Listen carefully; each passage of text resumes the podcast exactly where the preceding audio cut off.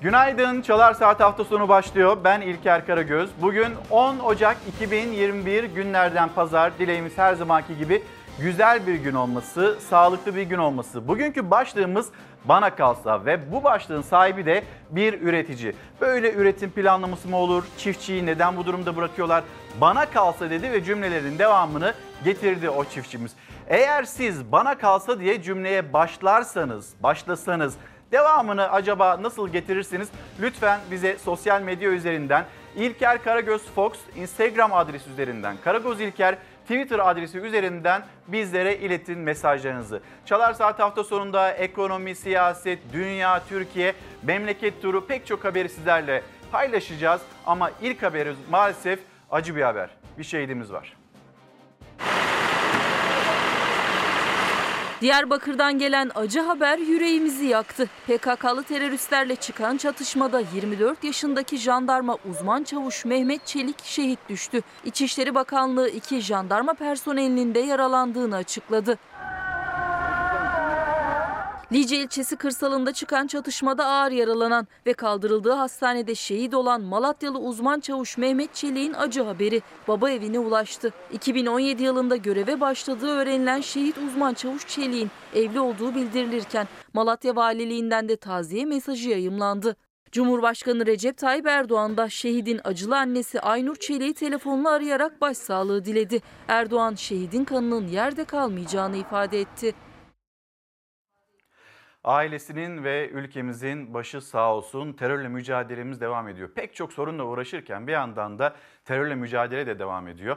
Jandarma Genel Komutanı Orgeneral Arif Çetin bir önemli bir iddiayı da ortaya koydu ve bu mücadele devam ederken 2021 kışı terör örgütü PKK için son kış olacaktır ve inlerine girilecektir. Bu açıklamayı yaptı. Bir kez daha şehidimize Allah'tan rahmet diliyoruz.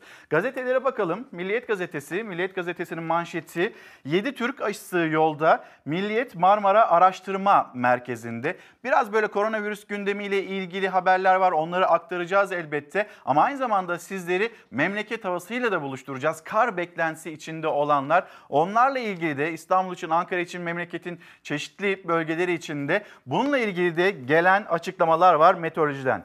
7 Türk aşısı yolda Profesör Doktor Mayda ve İhsan Gürsel'in geliştirdiği COVID-19 aşısında sona yaklaşıldı. Faz 1 çalışması Mart'ta başlayacak. Aşı Haziran'da piyasada. Beklentiler aslında Nisan ayındaydı ama baktığımızda takvim böyle bazı aşılar için, hepsi için değil belki daha önce de gelecek olanlar vardır. Bazı yerli aşılar için Haziran şeklinde e, gerçekleşecek. TÜBİTAK Marmara Araştırma Merkezi bünyesinde Üniversiteler ve ilaç şirketlerinin yer aldığı 49 kuruluş ve 436 araştırmacının ortak çalışmasıyla geliştirdiği 7 COVID-19 aşısı var. Bu aşılardan 3'ünün hayvan deneyleri tamamlandığı Profesör Doktor Mayda Gürsel ve Profesör Doktor İhsan Gürsel'in Nobel ilaçla geliştirdiği aşı ise virüs benzeri parçacık esasına dayanıyor. Milliyet Gazetesi'nin manşeti Türkiye'nin dünyanın koronavirüs gündemine dair. Şimdi hemen bir İstanbul'a dönelim. İstanbul'da Fox TV'nin penceresinden şöyle bir Zeytinburnu sahiline bakalım ki sizleri sonrasında da bir e, memleket havasıyla buluşturalım. Baktığımızda İstanbul'da gün yeni yeni ağrıyor. Bulutlu bir gün e, İstanbul için ama hala böyle Kasım ayı başı, Ekim ayı sonu böyle bir sıcaklık değerinin olduğunu da paylaşmamız gerekiyor. Ankara'ya döndüğümüzde Ankara'da bugün hava sıcaklığı 14-15 derece dolaylarında olacak ve yarın 16 dereceleri görecek. Çarşamba günü sert bir düşüş 8 derece. Perşembe günü 1 derece eksi dereceler inecek. Perşembe, cuma, cumartesi, pazar, pazartesi, salı ve bugünlerde e, yine Ankara'da başkent ve çevresinde kar yağışının etkili olacağı bildiriliyor meteoroloji tarafından. İstanbul'a da kar acaba perşembe, cuma gelir mi yoksa bölgesel yağışlar mı olur? Bunu da hep birlikte yaşayıp göreceğiz ve şimdi memleket havası. Yurdun neredeyse tamamında hava güneşli. Meteoroloji haritasındaki göstergeler endişe vericiydi. Yağmur geç de olsa geldi. Tablo beklenene döndü. Meteoroloji Marmara için kuvvetli yağış uyarısı yaptı. Günlerdir mevsim normallerinin üstünde bir sıcaklık yaşıyor Türkiye. Yağmur ya hiç yağmıyor ya da yağan sadece düştüğü yeri ıslatmaya yetiyor. Doğu Anadolu'daysa bu aylarda duymaya alıştığımız o karla mücadele haberleri gelmiyor. Hatta birçok yerde güneşi yalancı bahar zanneden ağaçlar çiçek açıyor, meyve veriyor. Kuraklıksa sadece kapımızı çalan bir tehlike olmaktan çok iyiden iyiye yaşanır oldu. Amasya'da su seviyesi düşen Yeşilırmak Nehri'nde çok sayıda ölü balık kıyıya vurdu. Her taraf balık. Bakın balıklara. Mersin'de dut ağacı Ocak ayında meyve verdi. Tokat-Sivas il sınırına yakın Çamlıbel Tepesi'nin alt tarafında bulunan İhsaniye Göleti en kurak yılını yaşıyor. Yılın bu aylarında kar eksik olmayan gölet kurudu. Şanlıurfa Siverek'te Atatürk Barajı göletinde su seviyesinin düşmesinin ardından eski yol ve köprü gün yüzüne çıktı. Son yılların en kurak mevsimini yaşayan Tunceli'de normalde kış uykusuna yatması gereken anne ve iki yavru bozayı yiyecek ararken görüntülendi. Kuraklığın çaresi yağmur Trakya'dan yurda giriş yaptı. Meteoroloji Genel Müdürlüğü tarafından yapılan son değerlendirmelere göre kuzey, iç ve batı kesimler parçalı ve yer yer çok bulutlu. Marmara, Ege, Batı Akdeniz, Batı Karadeniz ile İç Anadolu'nun kuzeybatısıyla Çorum, Amasya ve Samsun çevreleri gök gürültülü sağanak yağışlı. Diğer yerlerin az bulutlu geçeceği tahmin ediliyor. Yağışların İstanbul, Çanakkale ve Kocaeli çevreleriyle. Balıkesir'in kuzey ve batı ilçelerinde yer yer kuvvetli olması bekleniyor. Doğu Anadolu'daysa bugün ve yarın sadece Ardahan'da kar var. Ancak perşembeden itibaren beklenene dönüyor tablo. Doğu Anadolu'nun tamamı kar yağışlı. Diğer bölgeler yağmurlu olacak. Bizlere günaydın diyen izleyicilerimiz var. Memleketin çeşitli bölgelerinden bizler de günaydınlarımızı iletelim. Gündemi bizimle takip eden, bizleri takip alan izleyicilerimize de selamlarımızı iletelim. Yılmaz Bey teşekkürler, çok sağ olun. Selahattin Bey, e, Yener Yağcı selamlarımızı iletelim sizlere de. Ve yine hani bana kalsa başlığı altında gelen mesajlar Gülay Göktuman diyor ki bana kalsa gelişi güzel açılan üniversiteleri kaldırır ve kontenjanları düşürürüm. Bunca atanma bekleyen genç, atamayı bekleyen genç onlara en azından bir umut olurum. Geleceğe daha emin adımlarla yürüyebilmek adına bir formülü paylaşıyor. Gülay Hanım, Gülay Göktuman. Ee, Ahmet Bey, Ahmet Arslan selamlarımızı iletelim. Bize Mersin Tepeköy'den günaydın diyor. Çiftçinin meselesi, çiftçinin desteklenmesini istiyor Ziraat Bankası tarafından. Ama tartışma başka boyutlarıyla devam ediyor. Bu haberleri de yine ekranlarınıza taşıyacağız. Bir öğretmen olarak yazıyorum. Siyasetçiler, siyasetçilerin dili çok sert ve ayrıştırıcı. Lütfen bundan vazgeçsinler. Bana kalsa bu üslubu, bu dili değiştiririm diyen bir öğretmenimiz var. Onu da yine sizlerle paylaşmış olayım. Nabi Bey bana kalsa emekli maaşlarına bir düzenleme getiririm. Seyyanen bir zam yapılması beklentisi var. 1400 lira, 1500 lira. Gerçi 1400 lira olunca 1500 liraya tamamlanıyor. Ama yine de bu seviyelerde maaşlarla geçinebilmenin ne kadar zor olduğunu emekliler her defasında hatırlatıyor. Biz her defasında bunu bültenlerimize yansıtıyoruz. Yetkililere seslerini duyurmaya çalışıyorlar. Ve asgari ücret seviyesinde bari bu seviyelerde olamaz mı emeklerin maaşı? 1500 lira, 2000 lira, 2200 lira. Dün pek çok böyle maaşını anlatan, geçinemediğini anlatan izleyicimizden mesaj gelmişti. Yine bunun da hatırlatmasını yapalım. Ee, Ayşer Hanım günaydınlarımızı iletelim. Çok mesaj geliyor onlara böyle hızlı hızlı da bakmak istiyorum birazdan ama şimdi bir Türkiye'nin koronavirüs tablosu, e, Sağlık Bakanı Fahrettin Koca sosyal medya üzerinden hangi açıklamayı yaptı? Acaba bu tedbirler ki biz şu anda 6. hafta sonuna girdik ve bugün de yine hafta sonu sokağa çıkma kısıtlamalarının son günü pazar günü yarın saatler 5'i gösterdiğinde bir mesai başlayacak. Yine insanlar e, dışarıya çıkacak ve bu tedbirler Uzmanların ilk değerlendirmesi başarılı olmayacak, yeterli olmayacak. Bizim 28 gün kapanmamız gerekiyor e, yönündeydi bu hatırlatmalar yapılırken. Şimdi tabloya baktığımızda ciddi olarak bir gerilemenin de söz konusu olduğunu görüyoruz. Ayrıca Türkiye Gazetesi'nde bir değerlendirme var. Normalleşmeye geçişimizle ilgili bir takvimi anlatıyor Türkiye Gazetesi. Onu da ekranlarınızda taşıyacağız. Tespit edilen hastanelerde tedavi görenlerin sayısı 1103 yeni hasta var. Vaka sayıları düşmeye devam ediyor. Ağır hasta sayısı 3000'in altına geriledi. Kısıtlama ve tedbirler netice veriyor. Birlikte mücadele etmeye ve ülkemizi küresel salgının yıkıcı etkisinden kurtarmaya kararlıyız. Ee, Sağlık Bakanı Koca'nın yapmış olduğu değerlendirme bu. 168.289 test yapılmış. Vaka sayısı 10.000'in altında 9.537. Hasta sayısı 1103. Vefat edenlerin sayısı 181. Hala her gün çok sayıda insanımızı koronavirüs nedeniyle kaybediyoruz. Aşı hayatımıza girmediği takdirde maske, mesafe, hijyen kuralları bunlar zaten altın kurallar ama bu aşı hayatımıza girmediği takdirde biz sağlıklı bir şekilde normal hayatımıza döner miyiz, dönebilir miyiz? Bunu hep birlikte düşünmemiz ve tartmamız gerekiyor. Gelelim Türkiye Gazetesi. Türkiye Gazetesi'nin manşeti Salgının hızı kesildi, sınırlamalar kalkabilir.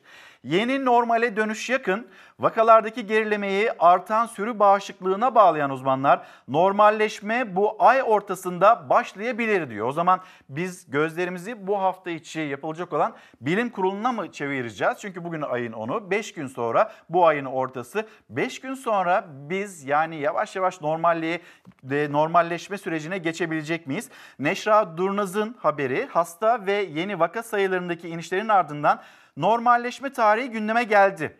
Konuya temkinli yaklaşan bir grup uzman normale dönüşte erken davranmak hastalığı tekrar yayabilir. Özellikle yaşlılar ve kronik hastaların hayatı risk altına girebilir. Tedbir ve sınırlamaların bir süre daha sürmesinde fayda var diyor. Normale dönüşten yana olanlar acaba bu normale dönüşü nasıl savunuyorlar? Önce bir Türkiye'nin tablosuna bakalım. Normale dönüşü savunanlar hangi tezler, hangi argümanlarla bunu istiyorlar? Yani hepinin annesi var, babası var, kardeşi var, arkadaşı var, dostu var. Ve bunlar böyle sayılarla ifade edilmesi hakikaten o kadar içimizi parçalıyor ki. Biz meslektaşlarımız için, onlarla için anma yapıyoruz İstanbul Tabip Odası olarak unutulmasınlar diye ama diğer yurttaşlarımız sessizce gidiyorlar. Sessizce ama arkalarında büyük acılar bırakıyor koronavirüsten yaşamını yitirenler. 24 saatte 181 hasta daha yaşamını yitirdi. 181 ailenin canı yandı. Zaten can kayıpları ne yazık ki hiç azalmıyor. En son Kasım ayının ortasında yüzün altındaydı günlük can kaybı. Sonrasında o seviyeye hiç inmedi. Salgının başından bu yana hayatını kaybedenlerin sayısı 22.631'e ulaştı. Görüyoruz ki vefatlar maalesef hala işte 180 ile 220 arasında gidip geliyor. Hakikaten bu e, bu bizi yönetenlerin hiç uyumaması lazım. Uykularının kaçması lazım. 100 yılda bir gelen bir felaketten bahsediyoruz biz. İşte bu felakette en çok can kayıpları yakıyor Türkiye'nin yüreğini.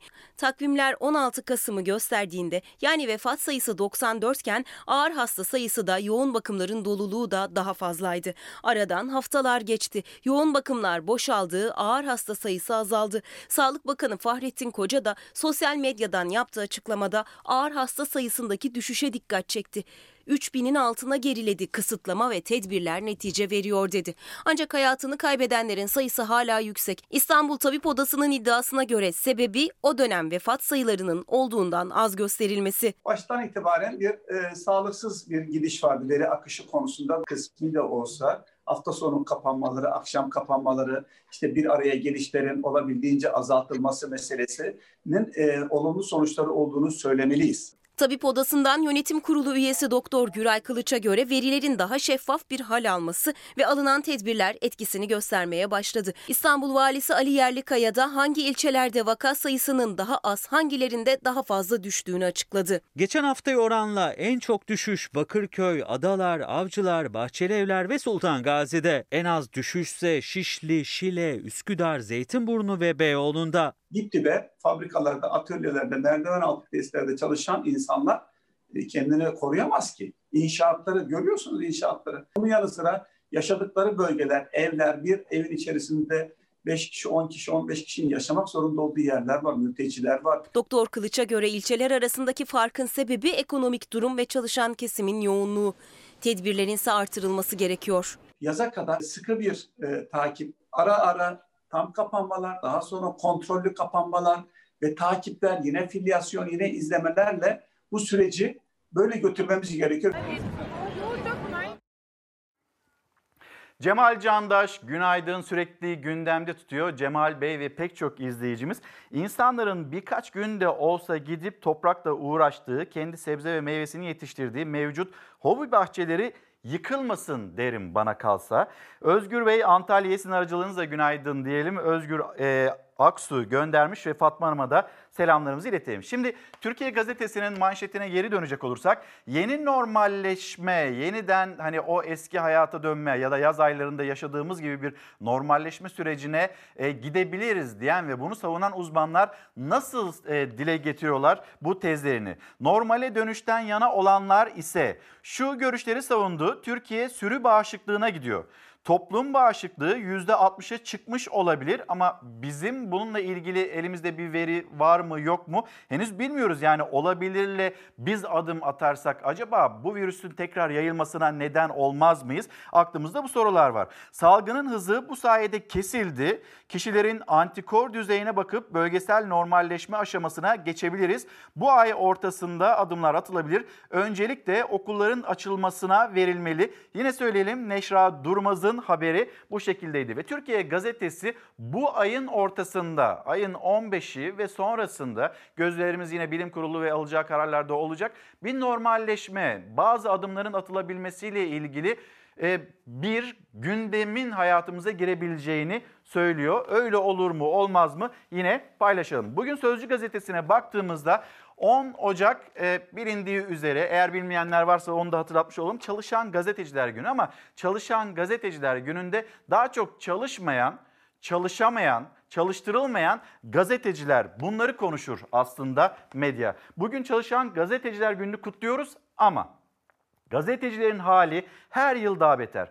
Doğruları yazan gazeteciler 2020'de de iktidarın hedefi oldu. Haberi için yargılandı, ceza aldı, hapse atıldı, baskıya uğradı. Yüzlercesi işsiz kaldı. Türkiye'de iktidarın görmek, duymak istemediği konuları yazan gazeteci olmak ateşten gömlek giymek. Gazeteciler için her yıl bir öncekinden daha kötü geçiyor. İşte CHP'nin 2020 basın özgürlüğü raporundaki acı gerçekler. 2020'de 78 gazeteci gözaltına alındı. Gazeteciler 479 kez hakim karşısına çıktı. 25'i tutuklandı. 140 yıl hapis cezası verildi. 2 televizyon 5'er gün karartıldı. 5 gazeteye 333 gün ilan kesme cezası verildi. Yani gazeteciler, medya 10 Ocağı işte böyle hatırlıyor ve geride kalan yıl, geride kalan yıllar. Bunların e, muhasebesiyle ilerleyen ve e, yaşadığımız günler içindeyiz. E, onu da Sözcü Gazetesi manşetinden aktarıyor. Başka gazetelerde de var. Yine bunu aktaracağız. Birazdan Deniz Zeyrek, Deniz abi de gelecek. İlk konumuz, ilk başlığımız medya, medyanın özgürlüğü. Bu özgürlüğün demokrasiye katkısı kuşkusuz bu olmak durumunda. Şimdi Akşam Gazetesi, Hürriyet Gazetesi koronavirüsle ilgili gündemler, başlıklar var ama yine Sözcü Gazetesi'nde de yer alan bir tartışmayı aktarayım ben. Çin aşısında 65 yaş tartışması. Doktorlar ikiye bölündü. Yani nasıl ki normalleşme süreciyle ilgili doktorlar ikiye bölünmüşse burada da 65 yaş ve üzerine aşı yapılması ile ilgili de e, tıp dünyasının, bilim insanlarının e, ikiye bölündüğünü hatırlatıyor Sözcü gazetesi. Bir grup bilim insanı 65 yaş üstüne Çin korona aşısı yapılabilir derken bir diğeri ise bu kumar olur diyor. Sağlık Bakanı Koca Çin'den alınan aşıların 60 yaş üstüne yapılmasına bir engel olmadığını söylemişti. Uzmanlar bu konuda ikiye bölündü. Destekleyenler de var, karşı çıkanlar da. Bakalım ortaya nasıl bir durum çıkacak ya da bilim kurulu değerlendirecek enine boyuna ve nasıl bir yol izleyecek aşı konusunda. Ama Önce aşının gelmesi lazım. Bütün dünya o aşıları yapmaya başladı. Milyonlarca kişi e, dünyanın çeşitli yerlerinde, Amerika Birleşik Devletleri'nde, Avrupa Birliği ülkelerinde aşılama işlemleri başladı. Biz aşıyı bekliyoruz ve yine yapılan değerlendirmeler bu konuda geride kaldık, geç kaldık şeklinde. Türkiye tabii geç kaldı bu konuda. Burada bir adım atılamadı. Bu üzücü Türkiye açısından. Tanıda tedaviden sonra bir de aşı konusunda ciddi sıkıntılar yaşanıyor. Diğer ülkeler hakikaten çok iyi bir şekilde yürütüyorlar. Birçok ülke başarılı bir şekilde yürütüyor. Ve sonuç olarak bahar aylarında rahatlamayı umuyorlar. Bu önceden öngörülmeliydi de. Dünyada aşılananların sayısı 23 milyonu aştı. İlk sırada Çin var. Amerika, İsrail ve İngiltere takip ediyor. 5. sıradaki Birleşik Arap Emirlikleri'nin nüfusu 10 milyon. 1 milyona yakın aşı uygulandı bile. Türkiye'nin elinde ise 3 milyon doz aşı var şimdilik. Acil kullanım kararı alınsa da ne zaman uygulanmaya başlayacağı henüz belli değil. Şu an itibariyle Türkiye aşılama aşamasında oldukça geride gözüküyor. Aşı çalışmasında gerçekten geçmiş 6 ayda ne yapıldı bunu merak ediyoruz doğrusu. Herhangi bir plan yapıldı mı? Enfeksiyon hastalıkları uzmanı Profesör Doktor Önder Ergön'le göre Türkiye geç kaldı. Yine de bir an önce uygulanmaya başlamasında fayda var aşının. 30 Aralık'ta Türkiye'ye gelen 3 milyon doz Çin aşısı 10 gündür güvenlik kontrolünden geçiyor. İncelemelerin 14 gün süreceği açıklanmıştı. Yani uygulama için geri sayım başladı. En önemli adreslerden biri de aile sağlığı merkezleri olacak. çok sayıda aşılama yapılacak. Şu anda hazır mıyız diye sorarsanız hayır hazır değiliz. Çünkü ne yapmamız gerektiği konusunda henüz bir bilgilendirmeye sahip değiliz. İstanbul Aile Hekimliği Derneği Başkan Yardımcısı Doktor Mustafa Tamur'a göre henüz takvime ilişkin bilgilendirme yapılmadı. Aile hekimlerinin soru işaretleri giderilmedi. Aşılar merkezlere nasıl gelecek? Hangi dolaplarda nasıl saklanacak? Bir merkezde günde kaç kişi aşılanacak?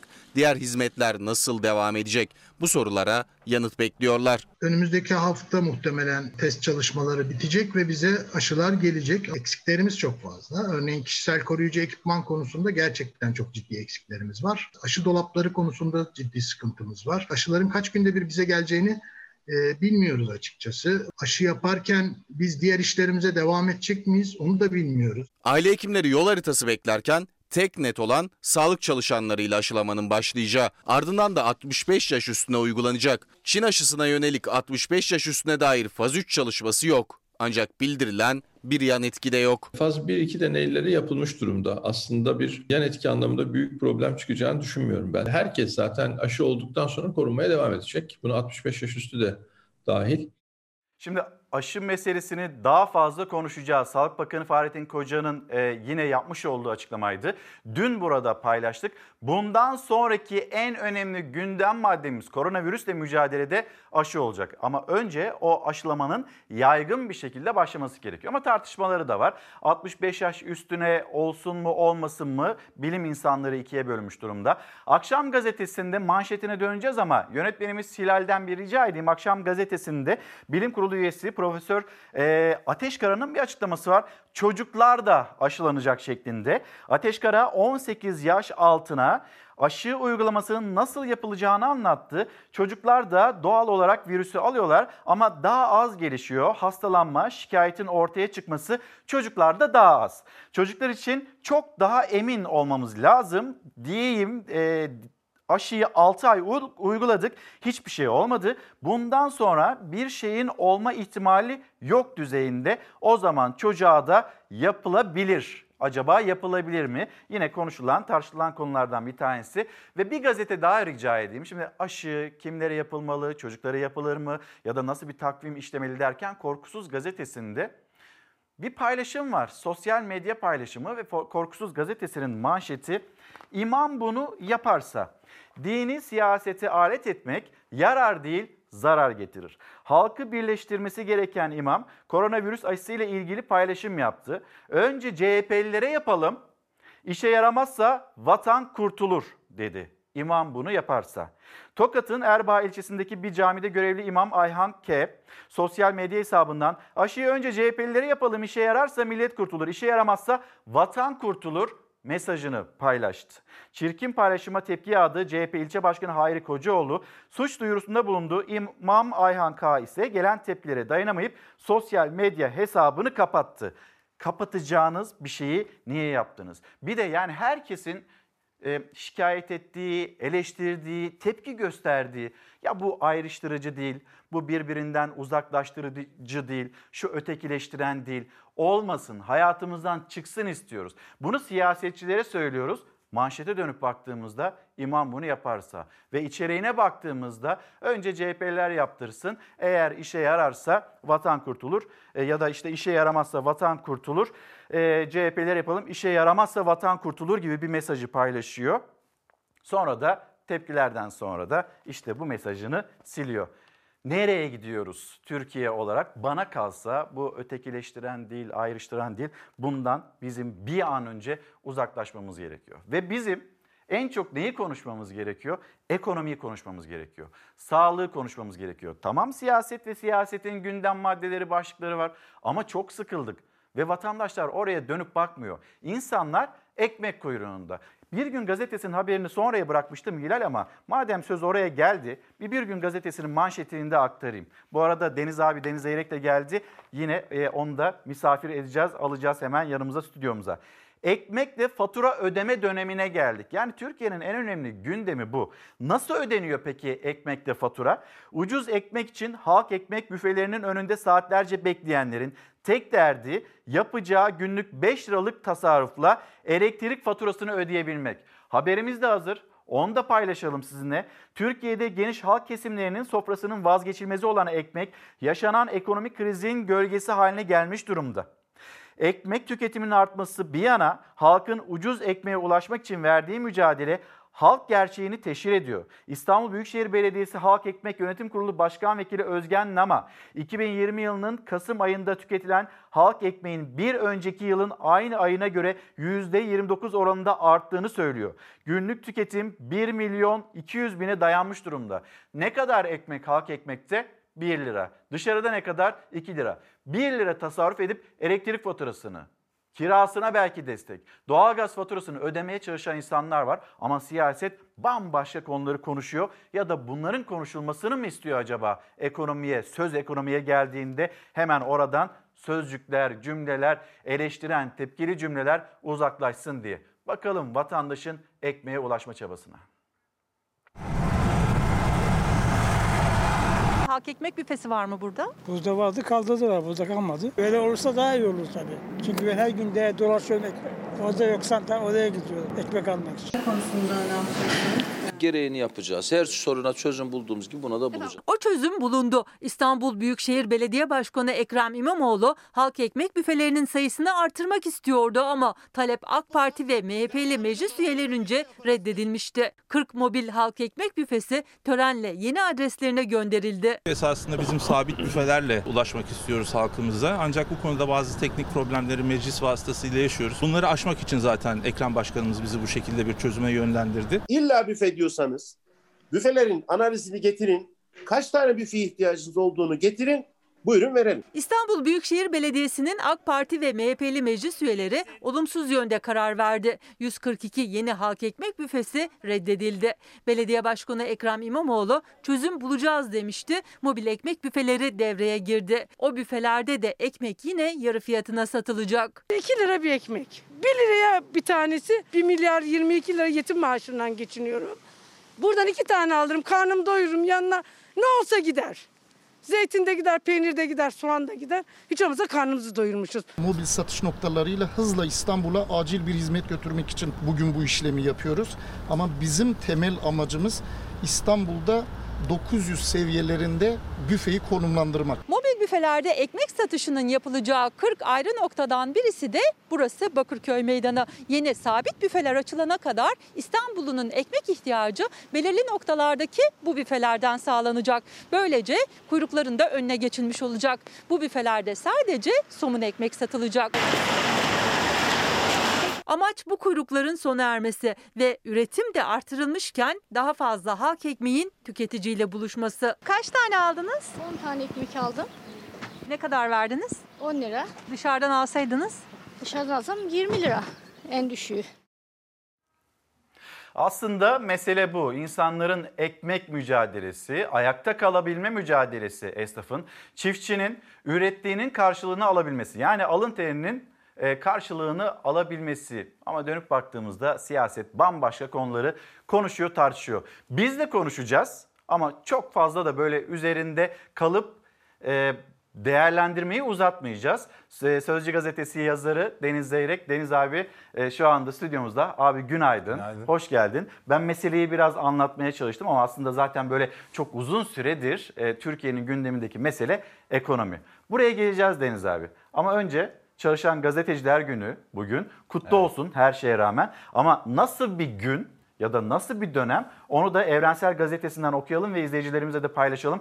10 Ocak Çalışan Gazeteciler Günü tablosu baskı, sansür, ambargo, işsizlik. Şimdi manşete baktığımızda pek çok şeyi aynı anda söylüyor aslında. Ne dersin abi? Evet. Şimdi öncelikle bütün meslektaşlarımın Çalışan Gazeteciler Günü'nü kutluyorum. Fox ailesi de dahil. Ee, ama çalışmayan gazetecilerin sayısı çalışan gazetecilerden daha fazla. Onun altını çizerek söylüyorum. Maalesef bu tablo gazetecilerin işsiz kalmasına, açsız kalmasına da neden oluyor. Yani baktığın zaman habercilik öldüğü zaman, gazetecilik öldüğü zaman gazeteci de işsizliğe mahkum ediliyor. Çok ilginç değil mi? Deniz abi 20 yıl öncesi örnek veriliyor, 20-25 yıl öncesi örnek veriliyor ve biz bugün daha fazla medyanın ve gazetecilerin yanındayız mesajları da veriliyor. Ya bu yanındayız mesajlarını ben hiçbir zaman samimi bulmadım biliyor musun? Çünkü yanında gazetecinin yanında olan insan siyasetçi, devlet adamı vesaire hoşgörülü olur. Eleştiriye açık olur. Bugün itibariyle geldiğin noktada hükümeti destekliyorsan eğer, hükümetin lehinde şeyler söylüyorsan baş tacısın. Hükümetin yani her yaptığına doğru diyorsan baş tacısın. Azıcık eleştirdiğin zaman hainsin, işte teröristsin, vatan hainisin, e, bizden değilsin, milli değilsin, yerli değilsin gibi böyle çok korkunç eleştirilere maruz kalıyorsun. Eskiden hani işsizlik vesaire gibi sorunlar vardı. Şimdi bir de şöyle bir sorunla karşı karşıyayız. Bir troll ordusu kurulmuş sosyal medyada. Sen e, rahatsız edici bir şey söylediğin zaman direkt seni linç ediyorlar. İtibarını ayaklar altına aldırmaya çalışıyorlar. Yalan yanlış bir sürü iddia ortaya Yani görevini atıyorlar. yaptığın zaman hani Tabii tabii. değil de hani tabii, görevini yaptığın tabii. zaman. Ya ben mesela sabah gazete bu sabah daha yani gazetelere bakıyorum. Ya nasıl küfürler? Ya, ya isminin yanına Türk bayrağı koymuş. işte AK Parti talep etti diye yeşil yuvarlak koymuş. Gazetecilere nasıl küfür ediyorlar? E ne demiş gazeteci? Demiş ki mesela Boğaziçi Üniversitesi rektörü e, işte e, şununla suçlanıyor mesela. Yani işte e, intihal eleştirisi var, bilmem ne var.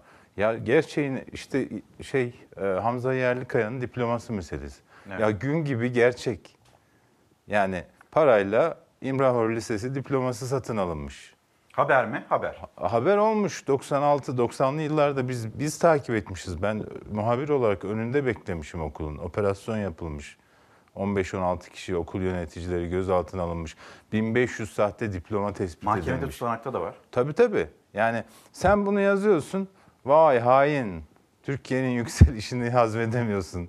Ya ben Türkiye'nin yükselişini niye hazmedemeyeyim? Türkiye yükselirse ben de yük- yükseleceğim. Aynı aynı trenin içindeyiz. Tür- Türkiye'nin treni ilerlerse biz de ilerleyeceğiz. Böyle bir şey var. Yanlışa yanlış deme e, dediğin zaman gazeteci olarak e, seni linç etmeye kalkıyorlar. Sadece mesela e, bugün Sözcü'de de var Utku Çakır Özer, o da meslektaşımız. Birlikte böyle çok muhabirlik yaptık. Dış politika muhabiriydi. E, o her şeyi ortaya koymuş. Eleştiriyorsun, basın ilan kurumu topluyor, e, sana resmi ilan vermiyorum. Tirajlarla oynanıyor İlker. En büyük sahtekarlık orada. Biliyor musun? Mesela gazete 30 bin satıyor ama 190 bin gözüküyor. Niye? Çünkü 100, 150 binin üstünde basın ilan kurumu resmi ilanlardan şu kadar veriyor. Gazete 5 bin satıyor, 55 bin gözüküyor. Niye? Çünkü 50 bin baremi var, 50 binin üstünde gösterip ona resmi ilan veriyor. Ama gerçekten çok satan gazeteci, gazetelere de vay senin şu haberin sıkıntılı, dolayısıyla bu haberin nedeniyle senin resmi ilanlarını kesiyorum. 10 gün mesela. Cumhuriyete yapıldı, bir güne yapıldı, Sözcü'ye yapıldı. Ee, öbür taraftan Rütük mesela bizim e, gazete yani şirket bir televizyon kanalı kurmaya çalışıyor. 10 aydır ya bir logo değişikliği yani düşün şu şu logodan sen artık sıkıldın şirket olarak başka bir logo kuracaksın. Ee, iki tane şey var bunun değişmemesi için. Biri başkasına ait olacak patentli. Bu sana bu başkasının patentli logosudur yapamazsın der. Ya da terör örgütünü çağrıştırır renkleri şuyu buyu. O nedenle yapamazsın der. Ama yani 10 aydır mesela Sözcü TV'nin e, başvurusunu görüşmüyorlar bile. Yani bırak sonuçlandırmayı. Gündeme alınmıyor. Hayır bile demiyor. Yani böyle bir idarecilik, böyle bir yöneticilik olur mu? Bu koşullar altında hapse giren gazeteci meslektaşlarımızı zaten hani anlatmama gerek yok. Bütün izleyiciler biliyor. Müyesser abla yani yazdık iki tane yazı nedeniyle beş ay yattı ya. Bu nasıl bir vicdansızlıktır? Şimdi e, avukat Umut Akdoğan'ın bir sosyal medya paylaşımı var. Fahrettin Altun, Cumhurbaşkanlığı İletişim Başkanı, ülkemizde basın özgürlüğü 20 yıl öncesiyle kıyaslanamayacak ölçüde genişletilmiş ve güvence altına alınmıştır demiş diyor. Eleştiri cümleleri var. Basın özgürlüğü endeksine göre Türkiye 180 ülke içinde 2002 yılında 99. sıradaymış. 2020 yılında yani bugün 154. sırada. Şimdi şöyle bir şey var. Ben buradan Fahrettin Bey belki dinliyordur bizi kazara. Ee, ona sesleneyim. Hani şu 28 Şubat meselesi var ya böyle eleştiriyoruz vesaire. Ben 28 Şubat'ta tıfıl bir muhabirken Genelkurmay Genelkurmay karargahında o basından sorumlu albaya kafa tuttum. Dedi ki şurada duracaksın. Hayır dedim. istediğim yerde duracağım.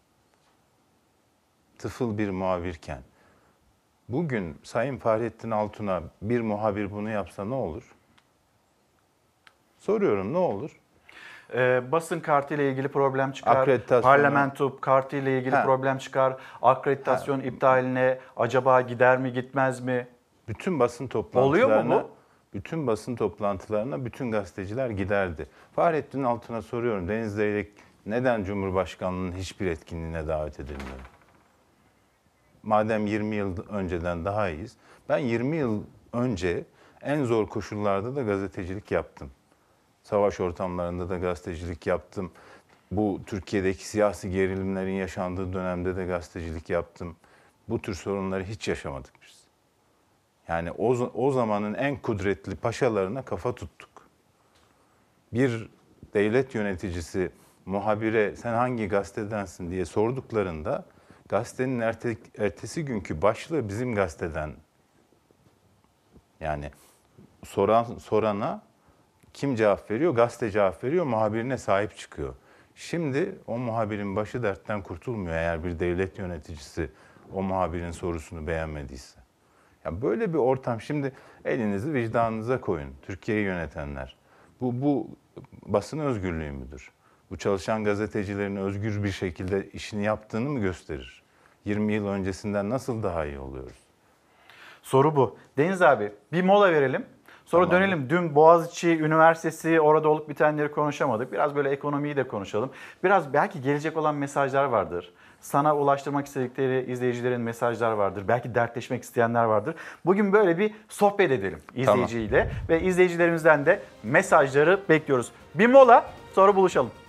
Günaydın. Çalar Saat hafta sonu devam ediyor. Deniz Zeyrek'le sohbetimize biz de devam edeceğiz. Hemen bir Deniz abi Gazete Pencere, Gazete Pencere'nin ilk sayfası ve orada Boğaziçi Üniversitesi, Melih Bulu'nun atanması, sonrasında üniversitenin kapısına kelepçe vurulması, Melih Bulu'nun açıklaması, hepimiz aynı gemideyiz, e, oradaki öğrencilerin itirazları, e, öğrenci evlerine, polis operasyonları, gözaltına alınanlar pek çok olay oldu bu hafta. Bunu bir konuşalım istiyoruz ama şimdi hem bu tartışma devam ediyor bir yer yandan da işte Cumhurbaşkanı Erdoğan'ın İstanbul e, İl Başkanı Canan Kaftancıoğlu ile ilgili kurduğu cümle var. Sonra bu topa e, İçişleri Bakanı Süleyman Soylu da girdi. Önce Erdoğan sonra Soylu hedef Kaftancıoğlu haberin başlığı. Önceki gün Cumhurbaşkanı Erdoğan DHKPC militanı ilan ettiği CHP'nin İstanbul İl Başkanı Canan Kaftancıoğlu bu defada Soylu'nun hedefindeydi. İçişleri Bakanı Canan Kaftancıoğlu terör örgütlerinin soytarısıdır dedi. Kaftancıoğlu Soylu'ya Boğaziçi'li üniversitelerin hazırladığı Yuh olsun klibiyle cevap verdi. Şimdi bu tartışmayı konuşacağız. Boğaziçi Üniversitesi oradaki e, atamayı yine konuşacağız ama önce bir haberimizi izleyelim. Öğrencilerle niye görüşeyim? Öğrenciler önce bir defa bu işin içinde değil. Bu işin içinde olan teröristler var. Bu öğrencilerin tamamı serbest bırakıldı. Hiçbirisi terörist değil. Tutuklanmasına bile hakimlerin gerek görmediği öğrencileri ülkenin cumhurbaşkanı 83 milyonun önünde terörist olmakla suçladı. Bunlar öğrenci değil. Demek ki mesele ya AK Partilisin ya da hainsin meselesiymiş. Demek ki mesele her zamanki gibi siyasi rant meselesiymiş. Sayın Erdoğan ayıptır, günahtır. Cumhurbaşkanı Erdoğan Boğaziçi Üniversitesi'ne rektör ataması protestosunda gözaltına alınanlar için teröristler ifadesini kullanmıştı. Gözaltına alınan 45 kişi de serbest bırakıldı. Muhalefetin tepkisi sürerken Erdoğan yeni günde yine suçlamasını sürdürdü. Bu kez de terör örgütü iltisaklı kişiler ifadesiyle. Terör örgütü iltisaklı kişilerin en ön safta yer aldığı bu tür eylemlerin demokrasiyle, hak arayışıyla, fikir ve ifade özgürlüğüyle uzaktan yakından ilgisi yoktur. Şimdi mahkeme teröristleri serbest mi bırakmış oluyor? Terörist demedi kimse kalmadı. Artık kimse Recep Tayyip Erdoğan terörist deyince onu ciddiye bile almıyor. Biz bu kirli senaryonun aktörlerini gezi olaylarında esnafın malını mülkünü yağmalarken gördük. Bezmialem Valide Sultan Camii'ni işgal ederken orada bira kutularıyla beraber nasıl bir işgalci hareket yaptıklarını da gördük.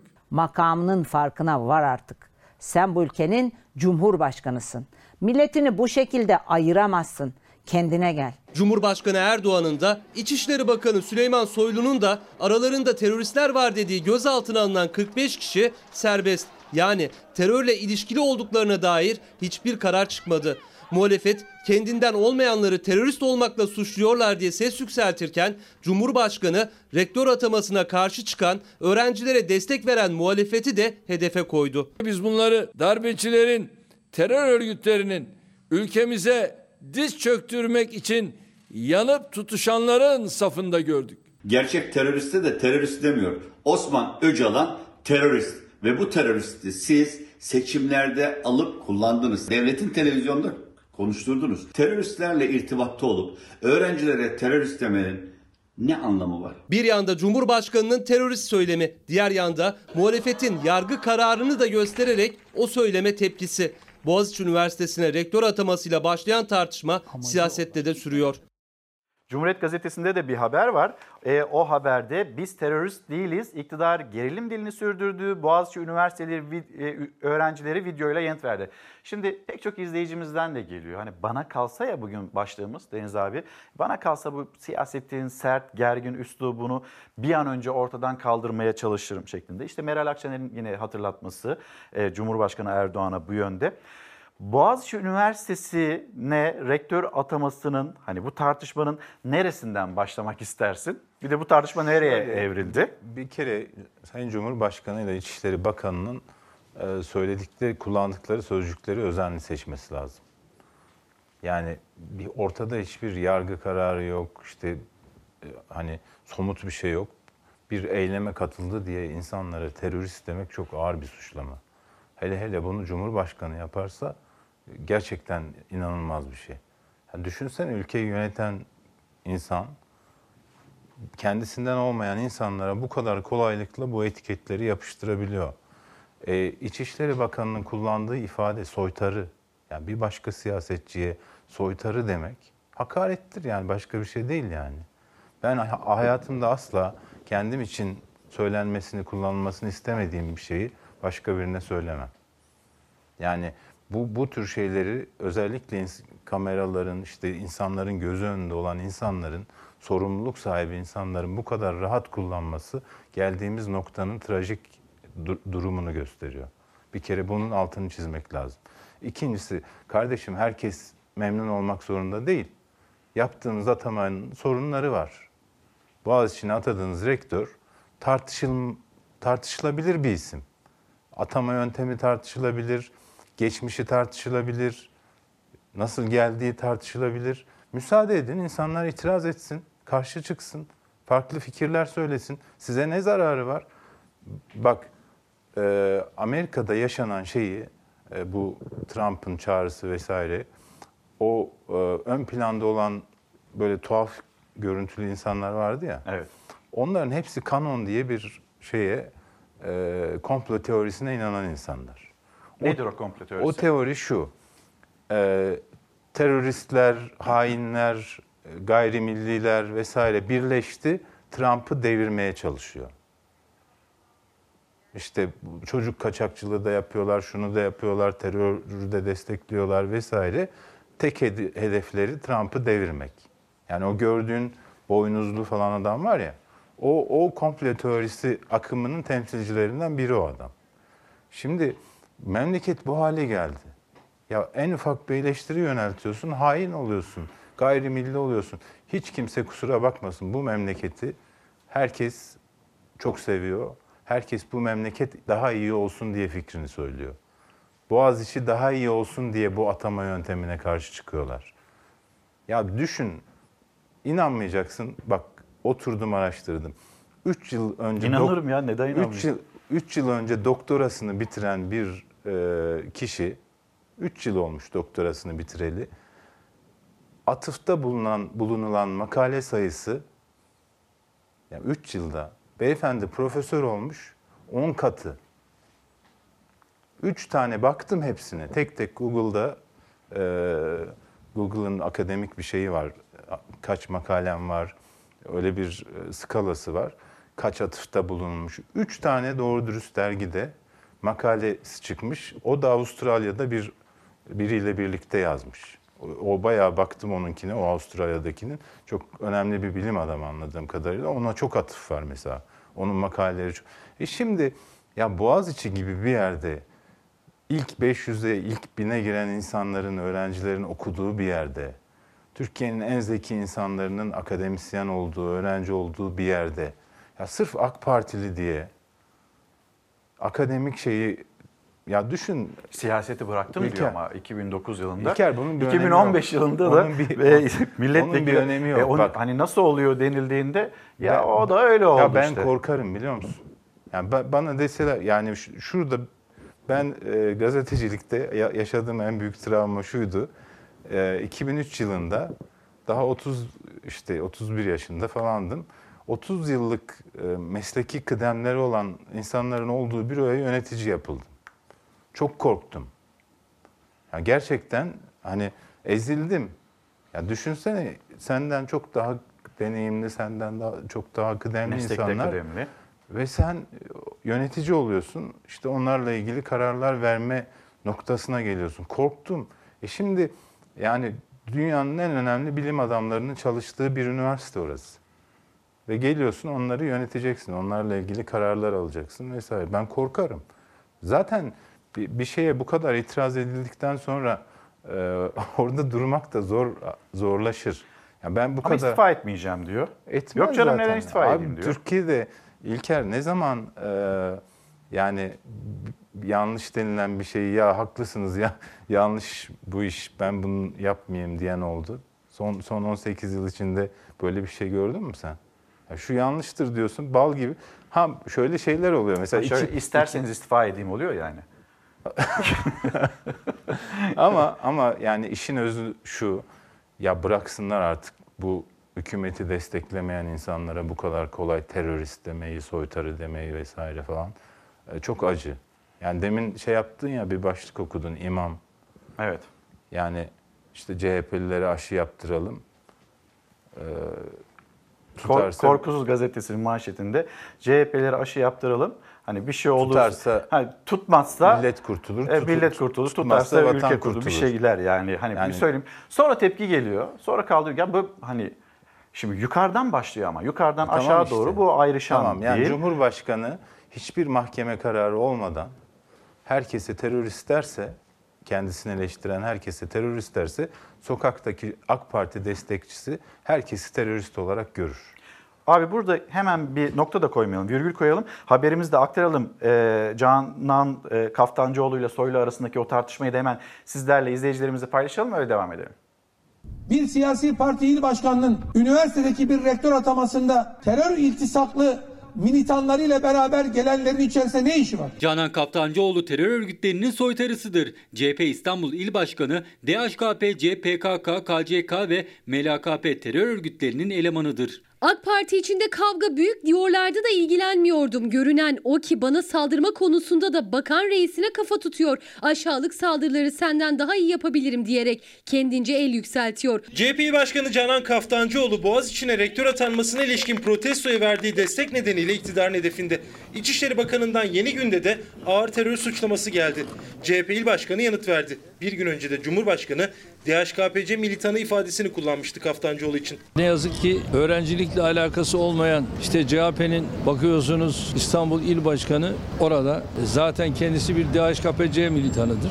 AK Parti Genel Başkanı yalanlarına yeni bir tanesini ekleyerek DHKPC militanı olduğum safsatasında bulunmuştur. Bu saçma suçlamasına ilişkin elinde hangi delili varsa derhal kamuoyuna açıklamak zorundadır. Sen İstanbul'u kaybettin diye bir kadın siyasetçiye hem de var gücünle hakaret edemezsin. Var gücünle iftira atamazsın. Cumhurbaşkanının dokunulmazlığı zırhından yararlanarak alenen suç işliyor. DHKPC ve PKK-KCK propagandası yapmaktan İstanbul 37. Ağır Ceza Mahkemesi'ndeki 2019'da 171 esas nolu dosya kapsamında 1 yıl 8 ay ceza almıştır. İçişleri Bakanı Süleyman Soylu Kaftancıoğlu hakkında mahkeme kararı var dedi.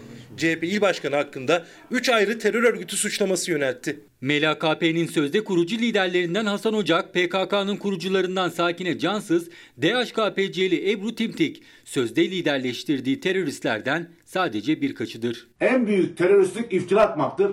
En büyük teröristlik masum insanları toplum içinde küçültmeye çalışmaktır. CHP'li kurmaylar İçişleri Bakanı'nı iftirayla suçlarken Kaftancıoğlu da bir kliple yanıt verdi bakana. Aşık Mahsuni Şerif'e ait olan ancak Boğaziçi öğrencilerinin sözlerini değiştirdiği bir türküyü paylaştı sosyal medya hesabından.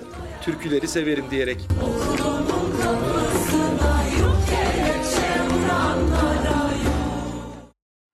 Kliple gelen bir yanıt Canan Kaftancıoğlu'na. Bir izleyicimiz demiş ki ya size kalsa ülke e, vatan birbirine girer. Yani hani öyle olmasın bu diye. yüzden bak bize kalsa değil. Asıl bu yüzden vatan millet birbirine girer. O izleyicimiz bunu bilsin. Yani insanları kutuplaştırmak en tehlikeli şeydir. Kutuplaştıranlar birbirine sokar bu ülkeyi. Ya ben bak şahsen şunu düşünüyorum. Canan Kaftancıoğlu orada olmamalıydı. Öğrenciler, akademisyenler kendi üniversitelerine sahip çıkarlar. Canan Kaftancıoğlu dışarıdan destek vermeliydi. Bu oradaki insan işte AK Parti'ye, Cumhurbaşkanı'na, İçişleri Bakanı'na malzeme verdi. Onlar da kendi açılarından bunu kullanıyorlar. Bence o açıdan Canan Kaftancıoğlu yanlış yaptı. Yani Boğaziçi öğrencilerine de faydasından çok zararı dokundu. Çünkü iktidar oraya çekti mevzuyu. Yani rektör tartışılmasından çıktı, Canan Kaftancıoğlu'na gitti. Ama benim hissiyatım şudur, bu İstanbul seçiminin kaybedilmesi e, Canan Kaftancıoğlu'na dair çok büyük bir öfke ve nefret yaratmış AK Parti'de. Yani bu İçişleri Bakanı'nın, Cumhurbaşkanı'nın bu kadar ağır ifadeler kullanması onu gösteriyor. Yani İstanbul'u onlardan... CHP'deki genel kanaat ve açıklamalar da bu yönde. Evet. Yani İstanbul seçimi Canan Kaftancıoğlu'nun çabası nedeniyle kaybedildi. Tabii Ee, tabii. Cumhur Zaten baksana yani CHP. iktidar- bu yüzden de sürekli Canan Kaftancıoğlu da hedefte tutuluyor. Yani sadece Kaftancıoğlu değil, İmamoğlu da öyle. Yani Ankara'dakiler, genel merkezdekiler o kadar hedefte değil, AK Parti'nin o kadar hedefinde değil yani. Sen misin İstanbul'u alan? Şimdi e, devam edelim. Şimdi hani bunu konuştuk. Bir kenara bununla ilgili ekleyeceğim bir cümle daha var mı mesela bu Boğaziçi Üniversitesi ile ilgili? Yok ama yani bence olmadı yani. O, o rektör orada e, 4 yıl boyunca ki muhtemelen e, iktidarı olan şeyi nedeniyle bir 4 yıl daha tanır. E, çok da şey e, içine sine sine çalışmayacaktır diye düşünüyorum. Şimdi o zaman e, ekonomi başlığına geçelim. Deniz abi böyle hani hafta sonları yan yana geliyoruz. Elimizden geldiğince gördüğümüzü anlatmaya çalışıyoruz. Sen hani e, işte esnaf, esnafın yaşadığı e, problemlerle ilgili gözlemlerini, kendi çabanı ya da yazılarından kesitler yaparak bunları anlatmaya çalışıyorsun. Bir esnafımız, esnaf destek bekliyor. Yani zaten aylardır bu durumdalar ve aylardır e, borçlarını ödeyemez durumdalar. O kira destekleri, esnafa yapılan destekler bunlar bir araya maalesef merhem olmuyor diyor. Kendilerini anlatmaya, ifade etmeye çalışıyorlar.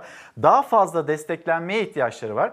Bu haber ekranlarınıza taşıyalım. Belki şu anda karşımızda e, televizyonun tam karşısında olan esnaflarımız vardır. Esnafımız vardır ve onlar kendi yaşadıkları durumu da bize anlatırlarsa burada bunu da konuşalım istiyoruz. Buyurun.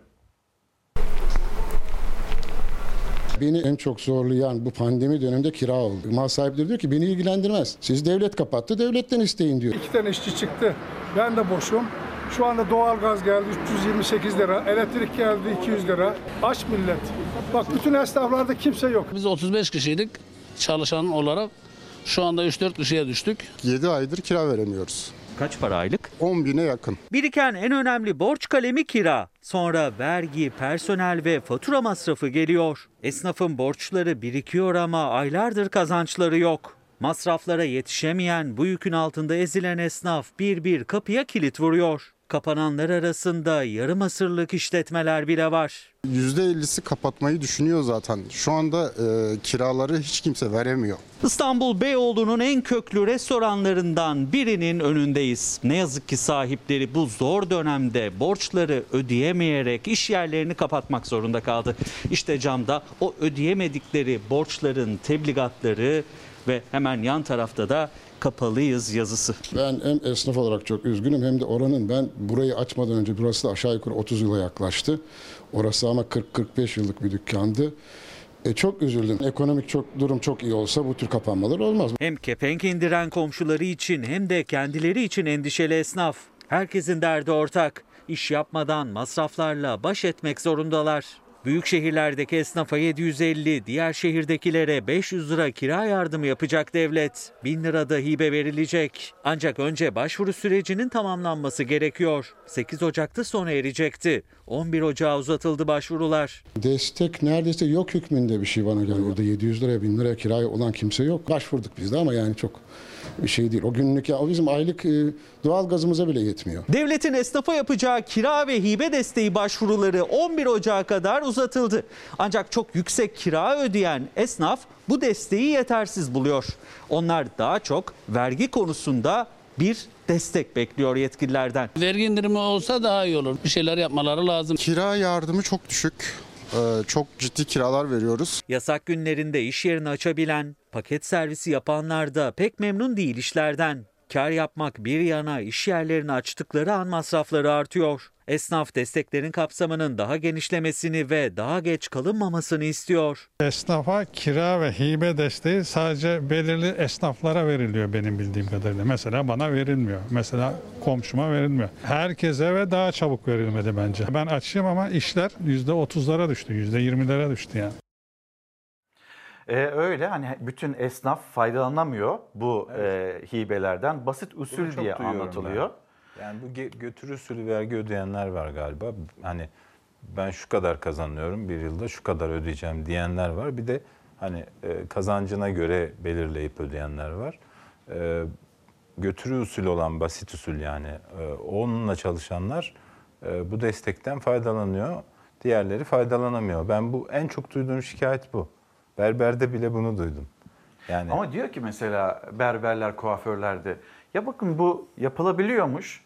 E biz 10 ayı niye kaybettik o zaman? 10 ayda 1000 lira verilse hani verilmiyor ama Tabii, yani tabii. 10 bin lira eder ve bu da bir nefestir. kira kiramın yarısını öderim diyor ya da kiramın işte şu kadar Bir kısmını öderim diyor. En azından hani bir, bir destek olur diyor. Yeterli değil ama bir destek. E diğer esnaflarda da var aynı sorun. Yani e, hani işi kolayına kaçan basit usul vergi ödeyen insanlar bundan faydalanacak. Onların daha çok ihtiyacı var gibi düşünülüyor herhalde. E, belki de şey yapsalar, dava etseler anayasanın eşitlik ilkesine aykırı e, bulunabilir yani. Ömer Bey yazmış. e, şu yapılandırmalardan bir bahsedelim diyor. Kendisi bir esnaf. Esnaf kan ağlıyor. Devlete yapılandırmaları nasıl ödeyecek? Ben bunu merak ediyorum diyor. E, tabii yani kazanmayan nasıl ödeyecek? Şubat'ta başlayacak ödemeler. Yani vergi borcun var, ödeyemedin, onu yapılandırdın. Şubat'ta ödemeye başlayacaksın. Kazanamıyorsan nasıl ödeyeceksin? Burada ciddi bir problem var.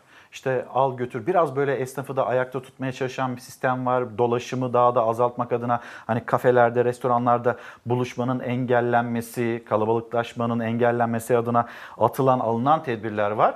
Ama hani onlar için bulunan formüller de yeterli değil. Valla ben onu bunu bilmiyorum. Uçağa biniyorsun İlker. Bir de anons Tıklım yapıyorlar tıklım. sosyal medya şey sosyal mesafene dikkat et diye. Kafanın şurasında bir kafa var. Yani şurada sosyal mesafe. Yan koltukta oturan adam burada duruyor kafası. Nasıl dikkat edeceksin sosyal mesafene? Bunu yapıyorsun. Ama restoranda e, oturamıyorsun. Yani bu insanlara eziyet etmesinler artık. Yani gerçekten hani e, sayılar düşüyor vesaire de artık sürü bağışıklığı da oldu yani. Oldu mu? Deniz abi senin aşıyı sormak istiyorum. Hani antikor seviyesi nedir? Kendin, kendini nasıl hissediyorsun? Ne oldu, ne bitti diye. Şimdi hafta sonları sokağa çıkma kısıtlaması oluyor. zaman zaman kaçamaklar yapıldığını da görüyoruz. Aslında yapılmaması gerekiyor çünkü kurallar bu şekilde. Ama insanlar da nefes almaya çalışıyor. İşte zaten hani hafta içinde çalıştıkları ortamlarda maskelerle e, kalıyorlar, duruyorlar. Ama böyle hafta sonlarında ortamda sakinken belki bakkala giderken bakkalın yolunu uzatayım ben uzaktaki e, markete Ne gideyim. E, orada var? bir nefes alayım diye düşünen e, izleyicilerimiz de var. E, bunu yapanlar da var. Bence de bir sakıncası yok ama bir de kural var ortada. Bir haberimizi izleyelim sonra şu aşı, aşı meselesini konuşalım. agora. Sayılır. Biraz kaçamak oldu evet. Yani aslında beni görmediniz. Yaptığım doğru bir şey değil. Hemen ara sokaktan kaçacağım. 56 saatlik sokağa çıkma yasağı bu hafta sonu 6. kez uygulanıyor. Cuma akşamı 21'de başladı, sokaklar boş kaldı. Ancak yasağın 6. haftasına girilmesine rağmen hala kurallara uymayanlar vardı. Fırınlar, marketler açık olduğu için sokaktakilerin gerekçesi de ortaktı. Alışverişe çıktık. Özellikle bugün tercih ettik. Çalışıyoruz. Çalışan insanlar olarak an- ancak bugünümüz var. Başka günümüz yok alışveriş için. Bulunduğumuz nokta normal günlerinde İstanbul'un en hareketli noktalarından biri olan Bağdat Caddesi. Geçtiğimiz hafta kısıtlama günlerinde caddede yürüyüş yapanlar vardı. Ancak bu hafta sonu kapalı havanın da etkisiyle o kalabalık daha az. Ancak yine de yasağa rağmen yürüyüşe çıkanlar var. Bugün biraz daha tenha. Geçen hafta çok kalabalıktı. Çok aşırı yürüyüşe çıkanlar vardı. İhtiyacının dışında çıkanlar vardı. Yağışa rağmen sahillerde boş kalmadı İstanbul'da. Özellikle Bebek sahilinde yasak yokmuş gibi spor yapanlar vardı.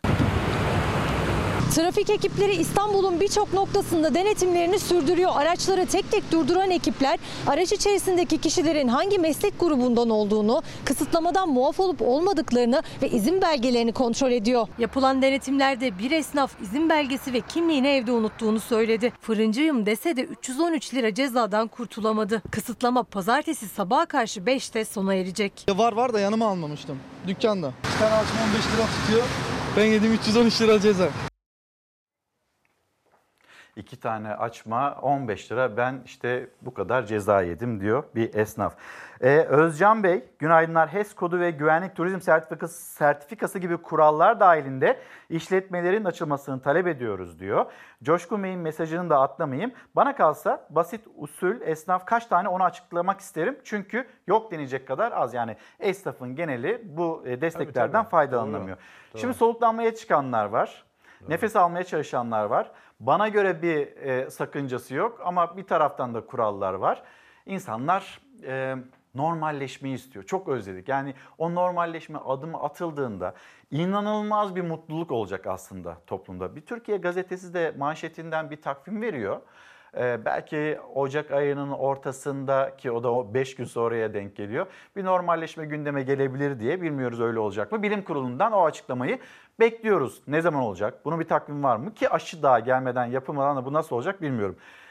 Şimdi sana gelen bir mesaj var Deniz abi. Ya bu aşı ile ilgili. Şöyle e, bu aşıyı ithal, Çin'den aşı ithal eden şirketin sahibi e, Can Türk Alagöz. E, daha önce de bir iletişimimiz olmuştu. E, şunu söylüyor ya biz bunu getirmek için gece gündüz çalıştık diyor 7 ay boyunca. Hı hı. Diğer ülkelerden önce almak, yeterince yeteri kadar almak vesaire. E, ve e, kendi annemize, babamıza, çoluğumuza, çocuğumuza yap, yapmayacağımız bir şeyi niye başkalarına e, yaptırmada ısrar edelim ki e, yani böyle bakın olaya. Bu bunun altında bir şey aramak, bir şey e, yani o açıdan ben çok samimi buldum mesajını. Yani biz bu aşıyı memlekete faydası olsun diye e, getiriyoruz. Sağlık Bakanlığı da bunun için ça- çabalıyor. E, biz de 7 aydır hani başka ülkelerden önce alalım, yeterince alalım diye gece gündüz çalışıyoruz. E, Bir de mesajı fiyat veriyor. veriyor galiba. İşte dünya ne kadar alıyor, biz ne kadar Yani aldık. Fiyat söylemeyeyim ama e, yani Piyasa koşullarının altında mı verdiği rakam e, piyasa koşullarının üçte biri gibi. Yani başka bir ülkeye satılan fiyatın üçte biri kadar Türkiye'nin satın alma fiyatı. Ben Öyle diyeyim. Deniz abi sende durum ne? Ben iyiyim. Antikorumuz bol mu? Şöyle Bol e, miktarda. İlker e, bir hata yaptım ben. Normalde bu işte hani gönüllü çalışmasında işte kodlar açılıyor. Seninki plasebo mu gerçek aşı mı? Onlar netleşiyor. Ondan sonra başarı oranı vesaire. Ben e, dayanamayıp bir e, pratik bir kitle baktım şeyim var mı, antikorum var mı yok mu diye. Normalde bakmamak Boş değilmiş, gerekiyor. boş aşı değilmiş. öyle görünüyor. Güzel Boş- denk gelmiş. Evet, boş değilmiş. antikorum olduğunu gördüm. Onun için sonra da tabii bunu öğrenince de e, gidip e, test yaptırmak istemedim. Hani ne kadar antikor var vesaire falan. E, çalışmaya zarar vermemek lazım diye düşünüyorum. Ama vücut direncinde hani ilk konuştuğumuzda iyiyim. Öyle yan etkileri böyle çok da e, yüksek değil. Hafif bir halsizlik gibiydi. değil Yok mi? ben zaten daha önce de farkına varmadan geçirmişim. Dolayısıyla herhalde vücudumda e, bu virüse karşı bir şey e, Antikor bağışıklık şeyim var. Antikorum zaten hani e, düştüğü için bunu yeniden yaptırdım. Özür da eski toprak diyor. Bir şey olmaz Deniz abiye diyor. Deniz abi. o teş- kadar şeye yılmadık. Virüse mi yılacağız? Deniz abi çok teşekkür ederim. Ben teşekkür Geldin. ederim. Şimdi Deniz abiyi uğurlayacağız bir kez daha. Çalışan Gazeteciler Günü'nü kutluyorum. Bütün meslektaşlarımızın Çalışan Gazeteciler Günü kutlu olsun. Ama biz bugün daha fazla e, en çok da bunu konuşmak zorundayız ki çalışmayan, çalıştırılmayan e, gazeteciler ve gazeteciliğin e, nasıl bir tablo içinde olduğunu aktarmak durumundayız ki zaten hep birlikte yaşıyoruz. Deniz abi ye veda ederken ben sizleri bir Amerika Birleşik Devletleri'ne götüreyim. Amerika Birleşik Devletleri'nde Trump, Trump'ın işte yönlendirmesiyle e, taraftarlarının senato binasına gitmesi, sonra sosyal medyadan Trump'ın atılması pek çok olay yaşandı.